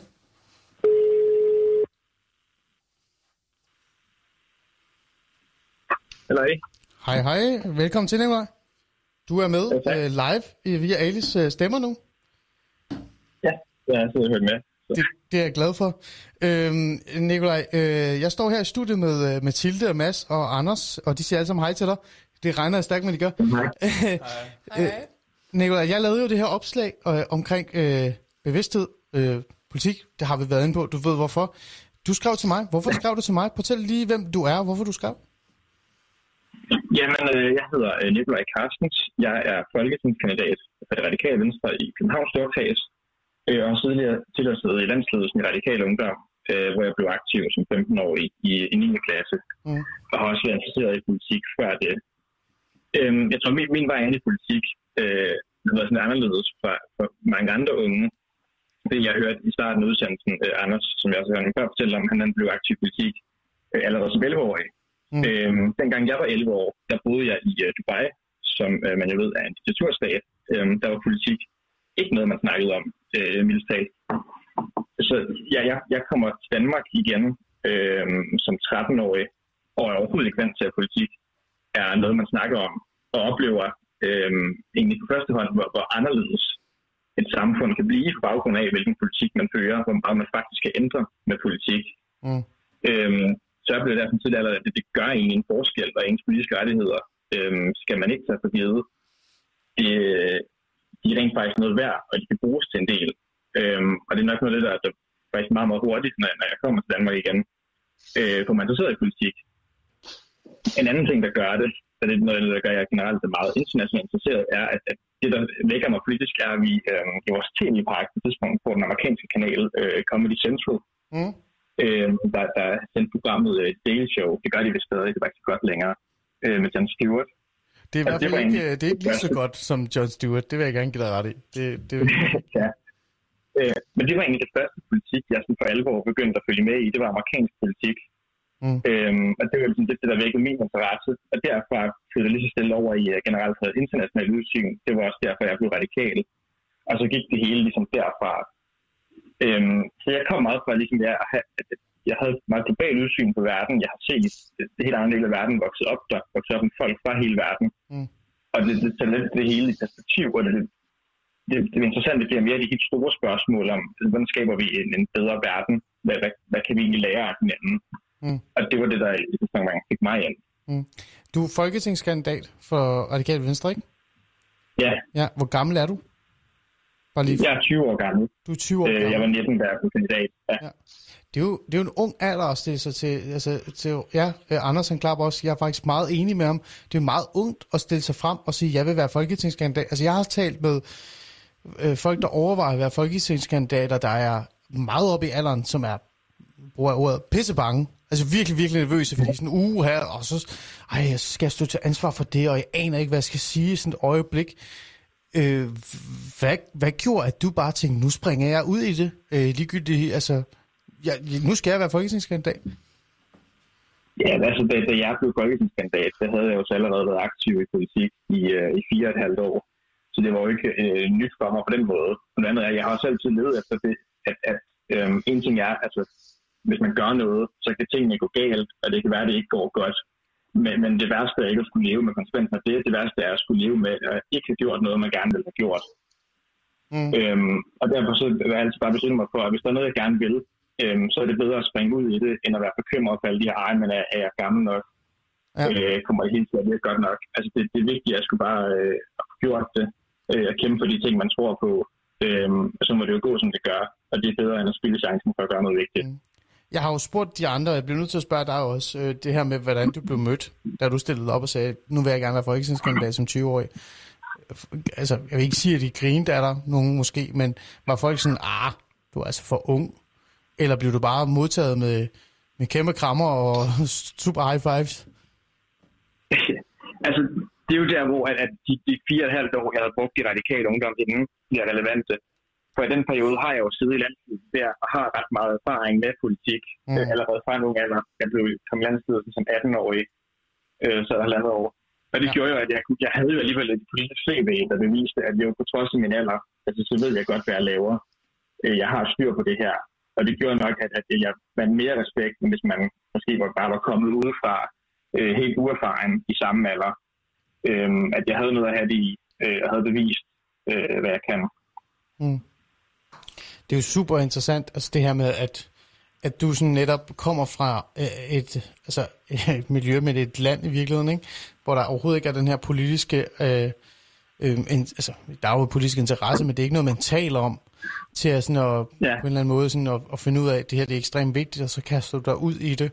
Øhm, vi har talt om det her med, at, at unge er motiveret, men holder sig lidt tilbage. Øh, det vi ikke rigtig har været inde på øh, endnu, øh, jeg ved ikke om vi når det også, det er også den der politiske samtale, der er, den kan være hård, øh, tonen kan være hård, folk kan være kritiske, fordi du er for ung, øh, man skal også forholde sig til meget, og alle de her ting og sådan noget. Øh, og så også det her med, at, at nogle unge, de vælger jo bare forskellige emner, sådan cherrypicking-agtigt på en måde, men det betyder jo selvfølgelig meget for dem. Øh, alle de her ting, øh, var det noget, der altså, du øh, på en eller anden måde havde et andet perspektiv på, fordi du netop kom fra et land, hvor man ikke havde den her mulighed. Altså, kunne du, altså, det er lige før, jeg spørger dig, om du værdsatte det mere, og derfor øh, på en eller anden måde kaster dig ud i det her, øh, øh, og, altså med, med mandsmod i virkeligheden? Ja, jeg kan huske, jeg var, øh, da jeg lige var kommet til Danmark igen, var jeg meget jaloux på, øh, på øh, hvor fedt mine, mine, mine venner talte, for jeg ligesom blev vant til, en ting er det der med ikke at snakke øh, politik, men også bare generelt er der sådan sociale og kulturelle normer øh, for de her ting, hvor man ikke snakker om. Øh, og der var det lige sådan, wow, nu kan jeg egentlig, du skal jeg ikke sådan have det sådan i bagtanken, at der er alle de her ting, øh, man helst ikke skal nævne, øh, fordi det er, de er tabu, øh, som jeg egentlig er meget glad for, øh, at jeg, jeg kan snakke lidt øh, og komme med de holdninger, de har. Ja, det tror jeg bestemt er fuldt meget, øh, at man ligesom har lov til det. Jeg tror også, det gør, at jeg forsøger meget aktivt ikke at reagere negativt, øh, når jeg snakker med folk om ting. At selvom folk ligger meget, meget langt fra mig, så sker så det sker egentlig ofte, at vi måske ikke er så uenige, som vi tror. Vi misforstår bare ret hinanden en del. Mm. Og hvis man meget aktivt forsøger ikke øh, at komme ind i en konflikt, så kan man faktisk komme ind i en ret god dialog med folk, man, er, man tror, man er grundlæggende uenig i. Mm. Så en, en radikal venstre, der siger, at øh, tonen er vigtig? Nej, det, er jo, det er jo fint, det er jo fint, fordi det er netop det emne, jeg gerne vil tage op her til sidst. Det er også derfor, jeg vil bruge dig som, som, som springrand frem til det, fordi du netop kommer fra et miljø, hvor man overhovedet ikke taler om det, til lige pludselig at være ja. politisk engageret, og, og politik fylder rigtig meget for dig i hverdagen. Og, og jeg tænker sådan, ja. lige præcis det der med, at du vil, altså at alle kunne lægge mærke til, hvad, hvad tonen og, altså, og tilgangen til unge reelt betyder for deres deltagelse øh, i virkeligheden. Øh, Anders, du havde lige hånden op. Ja, det øh, handler desværre ikke om det, du lige snakkede om, Ali, øh, men i stedet for om din vej til at blive radikal. Fordi jeg, jeg kan ikke lade være med at tænke, hvis man har været i Dubai, øh, så kan det godt være, at du nævner global udsyn, men jeg kunne måske forestille mig, at, at man vil få et, øh, altså et ret kritisk syn på islam. Nu har jeg selv været i Dubai, og jeg vil sige, at den fortolkning, de har af islam, der er i hvert fald noget, der vil bekymre mig gevaldigt. Så sådan, hvad, hvordan, hvordan tænkte du efter at have været der, jeg vil blive radikal? Og nu, nu tester jeg det også lidt, fordi fordommene vil være, hvis det var en rigtig DF, der sad så, ville jeg så personen sige, nå, skal Danmark være ligesom Dubai? Det vil jeg ikke sige, men, øh, men jeg kunne godt tænke mig at høre din, din, din, din refleksion om det. Ja, øh, ja det blev lidt mere teknisk pludselig, men øh, nej, ja, så, som jeg også nævnte før, altså grunden til, at jeg blev radikal, var fordi det var det, det parti, jeg synes virkelig havde det, det internationale udsyn, og det, jeg kunne spejle mig mest i. Øh, I forhold til det mere erkendelse, du, spørger om, så altså jo, jeg er jo også enormt negativt indstillet over for, for øhm, både den politiske styre, der er i Dubai, men også det, det kulturelle og religiøse øh, styre, der er der, og den måde, man, man bruger religion øh, til at kontrollere folk på den måde. Øhm, det, det fandt hen til, at forleden der så vi, øh, jeg var i Dubai, med, man ændrede en del lovgivning, hvis man gør det mere øh, liberalt, vil de i hvert fald kalde det, som er sådan noget med, at for eksempel, hvis, hvis vestlige par skal skille sig, øh, så kan de gøre det efter deres hjemlandslovgivning i stedet for efter øh, sharia. Og så kan man ligesom brande det som positivt. Men det, der jo egentlig bare sker, er, at, at styret på et tidspunkt godt har kunne øh, bruge ligesom et islamistisk øh, politisk program til at regere landet. Nu er det lige så stille ved at blive upopulært, og hvis de stadig skal have penge på Vesten, stadig skal have vestlige øh, folk til at komme og arbejde der, så må de liberalisere, men kun i den grad, at man ligesom kan acceptere det. Øh, jeg ved, at islam er ikke nødvendigvis grundlæggende, øh, grundlæggende forfejlet. Det tror jeg ikke er nogle religioner, der er. Men, men det kan jo blive brugt politisk øh, på en ærgerlig måde, som det har blevet gjort øh, i rigtig mange øh, lande desværre. Mm. Øh, jeg synes, det er helt fint sammenhængende øh, at være radikal øh, på trods af det syn. Øh, del af at være radikal er jo selvfølgelig også at være sekulær, og derfor er jeg jo selvfølgelig imod altså at bruge øh, religion i politik, som man gør i øh, stedet som Dubai. Mm. Her øh, til sidst, øh, Tilde, Mads, har I nogle spørgsmål til det? Her? Det tror jeg ikke. Nej, vi er tilfredse. Vil du være øh, super godt, øh, og tak fordi du vil øh, deltage. En fornøjelse at have dig med og lige få det der perspektiv med, især det her med, at du kommer fra et miljø fra fra altså et sted, hvor man overhovedet ikke deltager, og så lige pludselig kaster dig ud i, i, i politik og bliver folketingskandidat i en ung alder. Øh, jeg kan huske lige, da du sagde det, der begyndte Anders at klappe. Jeg blev faktisk også sådan lidt, er du 20? Ej, hvor fedt. Øh, og det er jo igen et bevis på derude til jer lyttere, der lytter med, at prøv at høre, det er sgu ligegyldigt, hvilken alder jeg er I kan faktisk gøre en forskel, hvis I besætter jer ned og bliver politisk engageret øh, i et parti eller øh, i en bevægelse, for den sags skyld også til det, som du var, selvom vi var sådan lidt øh, sjovkritisk over for Alternativet, så var det jo en bevægelse på det tidspunkt, som reelt satte dagsordenen på en eller anden måde i virkeligheden, ikke? Øh, cirka. I hvert fald i dans, lad os sige det på den måde. Øh, men det var det i virkeligheden. Øh, tak fordi du vil være med. Øh, en fornøjelse at have dig med, og øh, jeg håber, du vil være med her Ja, det skal jeg nok gøre. Det er super. Og det, og det er jo det, der bringer mig til det sidste, som jeg gerne vil tale med jer om, fordi at øh, en af de ting, som jeg synes er vigtige at tale om, det er det her med, hvordan vi så kan få flere til at Jamen, det gør sådan her. Sådan. Øh, hvordan vi kan få flere til at øh, ikke bare være politisk engageret, eller aktivister, eller bevidste omkring, det er netop at, at tage det næste skridt, eller det sidste skridt, og melde sig ind i et politisk parti, eller stille op, øh, eller, eller hvad det end er. Øhm, en af de ting, jeg fik tilbage i hovedet, da jeg lavede det her opslag, som jeg har gemt her til, til allersidste, det er, øhm, ja, altså det, det er sådan generelt en, rigtig mange skrev til mig, at de er politisk bevidste, øh, men de vil ikke rigtig deltage i den offentlige debat, fordi den offentlige debat bare er øh, sådan hård og ondskabsfuld, er der også nogen, der skrev, og, og virkeligheden ikke noget, øh, unge gider at bruge tid på.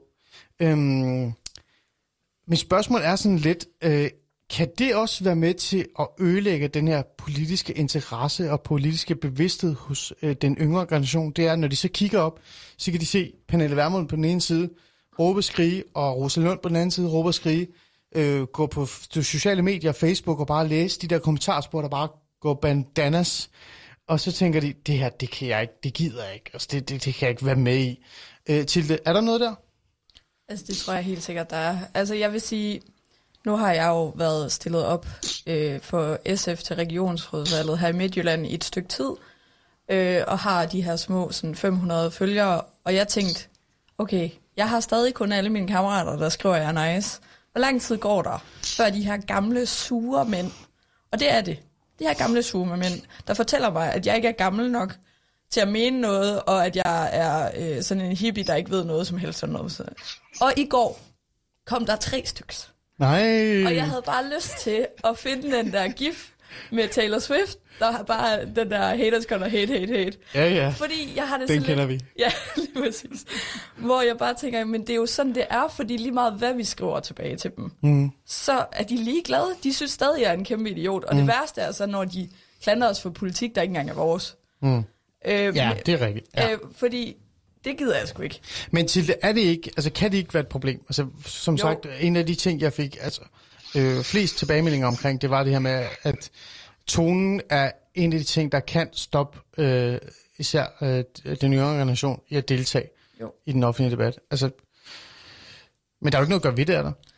Altså, det er sindssygt svært. Altså, det er jo, for eksempel øh, har jeg set rigtig meget debatten. Og debattens debatspor inde på Facebook for eksempel, er jo fuldstændig vanvittigt.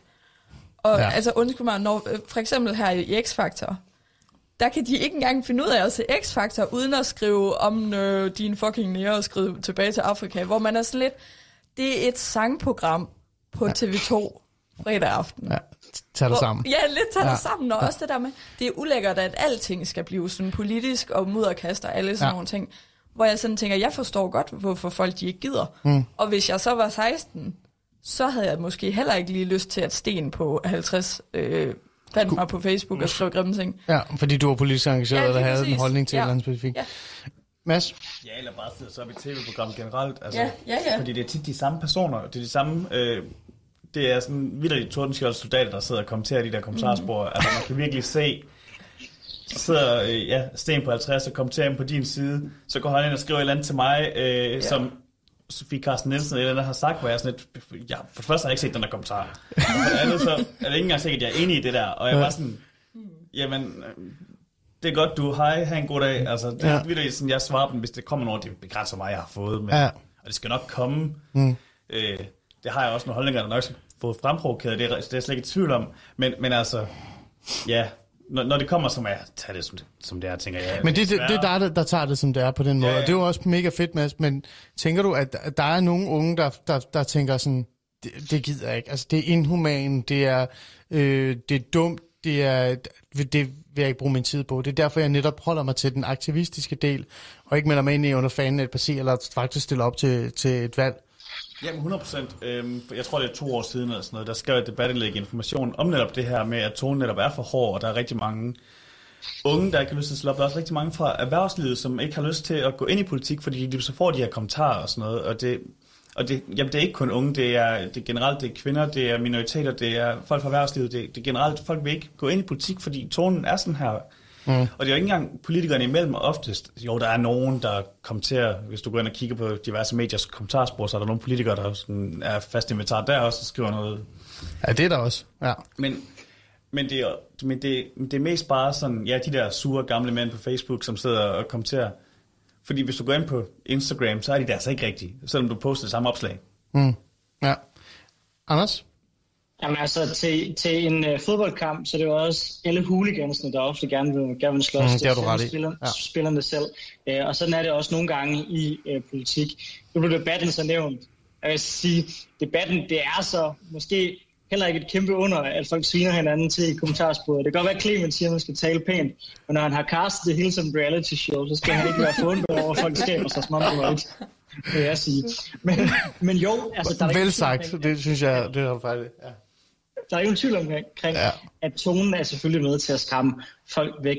Jeg tror, mit eneste budskab til folk i den sammenhæng, det er at selv at være med til at prøve at ændre det. Og selv hvis man ikke ønsker øh, selv at gå forrest og tage de tæsk, så bare, altså for eksempel konservativ ungdom, på komme eksempel. Mm, ja. 75 kroner, så er medlem. Du behøver ikke være vildt aktiv, ligesom jeg er, eller ligesom os, der deltager i den her snak er, men bare ved at være medlem, så kan du møde op en gang om året og stemme til en opstillingsgeneralforsamling. Så kan du være med til at vælge, hvilke politikere, der skal komme frem, og dermed kan du være med til at være dommer over, hvem det er, der rent faktisk skal frem i vores debat, og dermed også, hvilken tone og generel samfundsretning vi skal have. Man kunne gøre så meget ved bare at smide ja, 75 kroner om året, så møde op til en generalforsamling. Mm. Hvis flere gjorde det, så kunne vi ændre alt. Det tror jeg også. Det tror jeg faktisk, du har ret i, Anders. Fuldstændigt. Øh, nu har du jo været ude på de her skoler også, øh, øh, folkeskoler, ikke? og det er derfor, jeg sådan bruger lidt din erfaring, fordi du har været rigtig meget på de her folkeskoler. Jeg tror, I andre også har været det. Men, men jeg har sådan en fræk idé om, at Anders nok har været lidt mere end jer. Øh, det, det tror jeg. Nu det er min holdning. Øh, den her, øh, den her øh, tone, er det ikke også noget, der fylder øh, hos, hos de yngste? Så det der med, at de vil gerne være med i den offentlige debat, men det kan også blive for meget, og det kan blive for hårdt, og, og så melder de sig ud. Jo, jo, helt sikkert. Øhm, men det jeg også opfatter i de her debatter, det er, hvis der simpelthen er en, der skaber sig, lad os sige, en person bruger mange stråmænd, eller har en usympatisk tone, eller sviner de andre i et panel til, ja. men så oplever jeg faktisk også, at de fleste unge mennesker bare sådan, hvem er ham her idioten? Og så stemmer de ikke på ham, hvis de, hvis de har mulighed for at stemme efter. Ah, efter så der er konsekvenser med det samme. Ja. Præcis, ja. præcis, og der er især konsekvenser, hvis man er god til at kalde det ud. Og mm. der tror jeg i virkeligheden, vi kan lære rigtig meget af den måde, paneldebatter foregår. Jeg vil ønske, at der var flere politikere, som også turde kigge på deres egen side og sige, det kan godt være, at jeg er enig med dig, Pille Vermund, men gider du ikke godt tale pænt? Bare, for det, bare som et absolut minimum for at deltage i den her ja. debat. Det kunne jeg godt tænke mig, men det gør politikere desværre alt for lidt. Og jeg tror, det er en fejl, for jeg tror, de fleste folk vil gerne have en bedre tone. Mm. Tilde, er du enig i det, du står og nikker? Ja, altså jeg er enig langt hen ad vejen. Jeg tror også, altså når jeg har været i de her øh, paneldebatter i, øh, til skolevalgene ude på folkeskolerne, mm. så har det, det har også været meget det her også, øh, også det her med, øh, når man lige pusser sin glorie lidt for meget. Altså det, det er jo sådan, at selvom det er ungdomspartierne, så er det jo voksenpartierne, de skal stemme på, når det er. Yeah. Og, og så er der bare nogen, der rigtig godt kan lide, fordi de så er ungdomspartier, at claim alle de nice mærkesager, for eksempel gratis psykologhjælp. Det er jo jer. Ja, det er nemlig vores. ja. Og folk skal stoppe med bare at komme og sige, ej, det fandt vi også lige på for øh, 17 ja. år siden. Ja. Øhm, fordi jo, det lyder pisse godt. Altså, hvem ville ikke gerne have fundet det? Øh, men, men folk kan også, som Anders siger, det der med lige at call folk ud, også det der at være sådan, det er ikke jeres politik, og, og også det her med, tal ordentligt til hinanden, fordi det er også noget, jeg lægger mærke til også på nettet. Folk er gode til, altså jeg er med i sådan en gruppe, der hedder sådan noget håndslag for ordentlig opførsel. Okay, interessant. Ja, ja. ja, ja. Hvor at vi ligesom har givet håndslag på, at lige meget hvad der sker på Facebook, så opfører man sig ordentligt. Så opfører vi os ordentligt. Og så kan man lige lægge et link og skrive, hallo, se lige de her dumme, gamle hvide mænd. Fordi det er det altid. Jamen, det er det. så, der kan også være brune mænd, der er dumme. Det er trust me. Det, det er rigtigt nok. Ja. De plejer at skrive privatbeskeder i stedet for. Ah, okay, hold da. så, hvad så kalder man lige på alle sine kammerater, og så skriver de lige noget pænt. Men... Ja. Ja, Ej, men det, jeg kan ja. godt følge Mads? Nu tror jeg, Alien refererer til en situation, øh, der er sket her i Dennis. Nej, det har jeg ikke gjort. Vi går bare videre. nej, nej, men, men, i forhold til, hvad hedder det, øhm, i forhold til med skolevalg, så tror jeg også tit, at der er rigtig mange ungdomspolitikere, som, hvad hedder det, øhm, ser det lidt som sådan en show, øhm, og så bliver det lidt sådan, du ved, øhm, mm. du sagde sådan, og så, står man, så ender man med at stå og råbe lidt af hinanden, og det, det tror jeg også tit eleverne er sådan lidt, ah, Det kan måske blive for meget, synes du? Ja, men det kommer sammen på, fordi nogle gange kan man godt have, få altså, en sal til at gå helt amok over, at du har sagt et eller andet øh, voldsomt, ikke? Mm. Men det skal bare heller ikke blive for meget. Mm. Ja. Uh, Anders, uh, du nikker lidt, eller nej, ryster, undskyld. Ja, jeg er overhovedet ikke enig i, at øh, det generelt bliver et show ud til, ud til det skolevalgsdebatter. Tværtimod. Jeg er faktisk også uenig med Tilde i forhold til, at det man skal, det er, at man skal kalde folk ud, hvis de så at sige stjæler ens uh, mærkesager. Mm. Jeg synes tværtimod, at god tone, det er netop at sige, hvor er det fantastisk, at uh, I har overtaget den holdning. Det gør jeg hver gang, jeg møder en omvendt venstremand, der pludselig går op i, i, i, i klima. Så er jeg bare... I klima. Du skal rose dem til det. det. Du skal rose dem, ja. Det er dejligt, at du er blevet en del ja. af klubben, og lad os sammen prøve at ruske lidt op i vores moderpartier, og se om vi kan rykke det i mm. den retning. Det tror jeg er bedre måde, det er en bedre måde at gribe det an på, end at skænde sig, der fandt på noget først. Mm. Fordi det er sådan noget, jeg tror, folk er trætte af at høre på. Ja, meget kort, Mads. Det er jo også bare en måde, og du kan jo sagtens sige, I har stjålet den ved at sige, tak fordi jeg har joinet ind på den. Altså det er jo ja, ja, ja. en måde at sige det på, så på den ja. måde tror jeg ikke, I er så meget uenige. Altså. Nej, det, det, ja, men det, jeg, jeg synes, at øh, Anders har en point. Jeg synes, jeg er alle sammen point for at være det. Nu bliver jeg sådan helt uh, savlig, og, men det er måske så sent. Øhm, jeg tænker, at vi er kommet i mål. Øh, vi skal også lige nå at sætte en lille sang på, så er der sidst, før vi runder af. Øh, min, min formål, mit formål med det her emne og det her program øh, i aften, det var jo faktisk bare, at vi skulle hygge os lidt. Det blev endt med en lidt debat, men det er jeg rigtig glad for alligevel, for det, det satte faktisk noget, noget perspektiv på det og, og noget fokus på det. Det vil jeg faktisk gerne hjælpe at sige tak til dig for, Anders, at du lige sørger for det øh, en lille smule nogle gange. Jeg synes, vi er kommet i mål. Jeg synes, vi fik talt om, om det, vi skulle i forhold til det her med, med ungdom, og hvad det er, vi reelt skal gøre for at få dem motiveret. Øhm, så med de ord vil jeg sige tak, fordi I deltog til det. Tak, fordi du var med i aften. En fornøjelse at have dig med. SF, man kan stemme på dig. Regions. Regionsrådet til november. I Aarhus. I regionen Midtjylland. Ja, det er også ja. det, jeg mener. Mads. Yes, tak for at jeg var med. Anders. Ja, og til jer, der lytter med, så er jeg klar igen mellem klokken 10 og klokken 11 i Tushi Trender, så ses og ses om lidt. Åh oh, gud, så kom der også en reklame for det. Men, men faktisk lyt med, jeg kan faktisk også godt lide Tushi Trender. Og med det ord vil jeg bare sige uh, tak for i nat. Uh, husk ikke at finde uh, podcasten uh, senere. Vi slutter af med Kid med Buongiorno. Det er blevet sent, ja, yeah. du er blevet træt, ja yeah. Hop bag på cyklen, jeg kan vise, før du skal sove, ja yeah. De blik har holdt mig hen, derfor er jeg blevet så længe Du mangler mænd på lommen, vi to mangler ingenting Buongiorno, ordno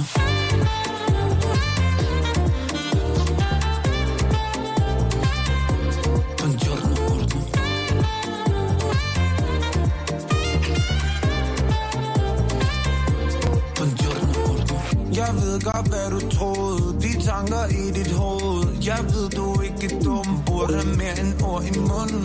Brug din nat på at glo Giv bare dig svært at tro. Snup din jakke, lav endnu din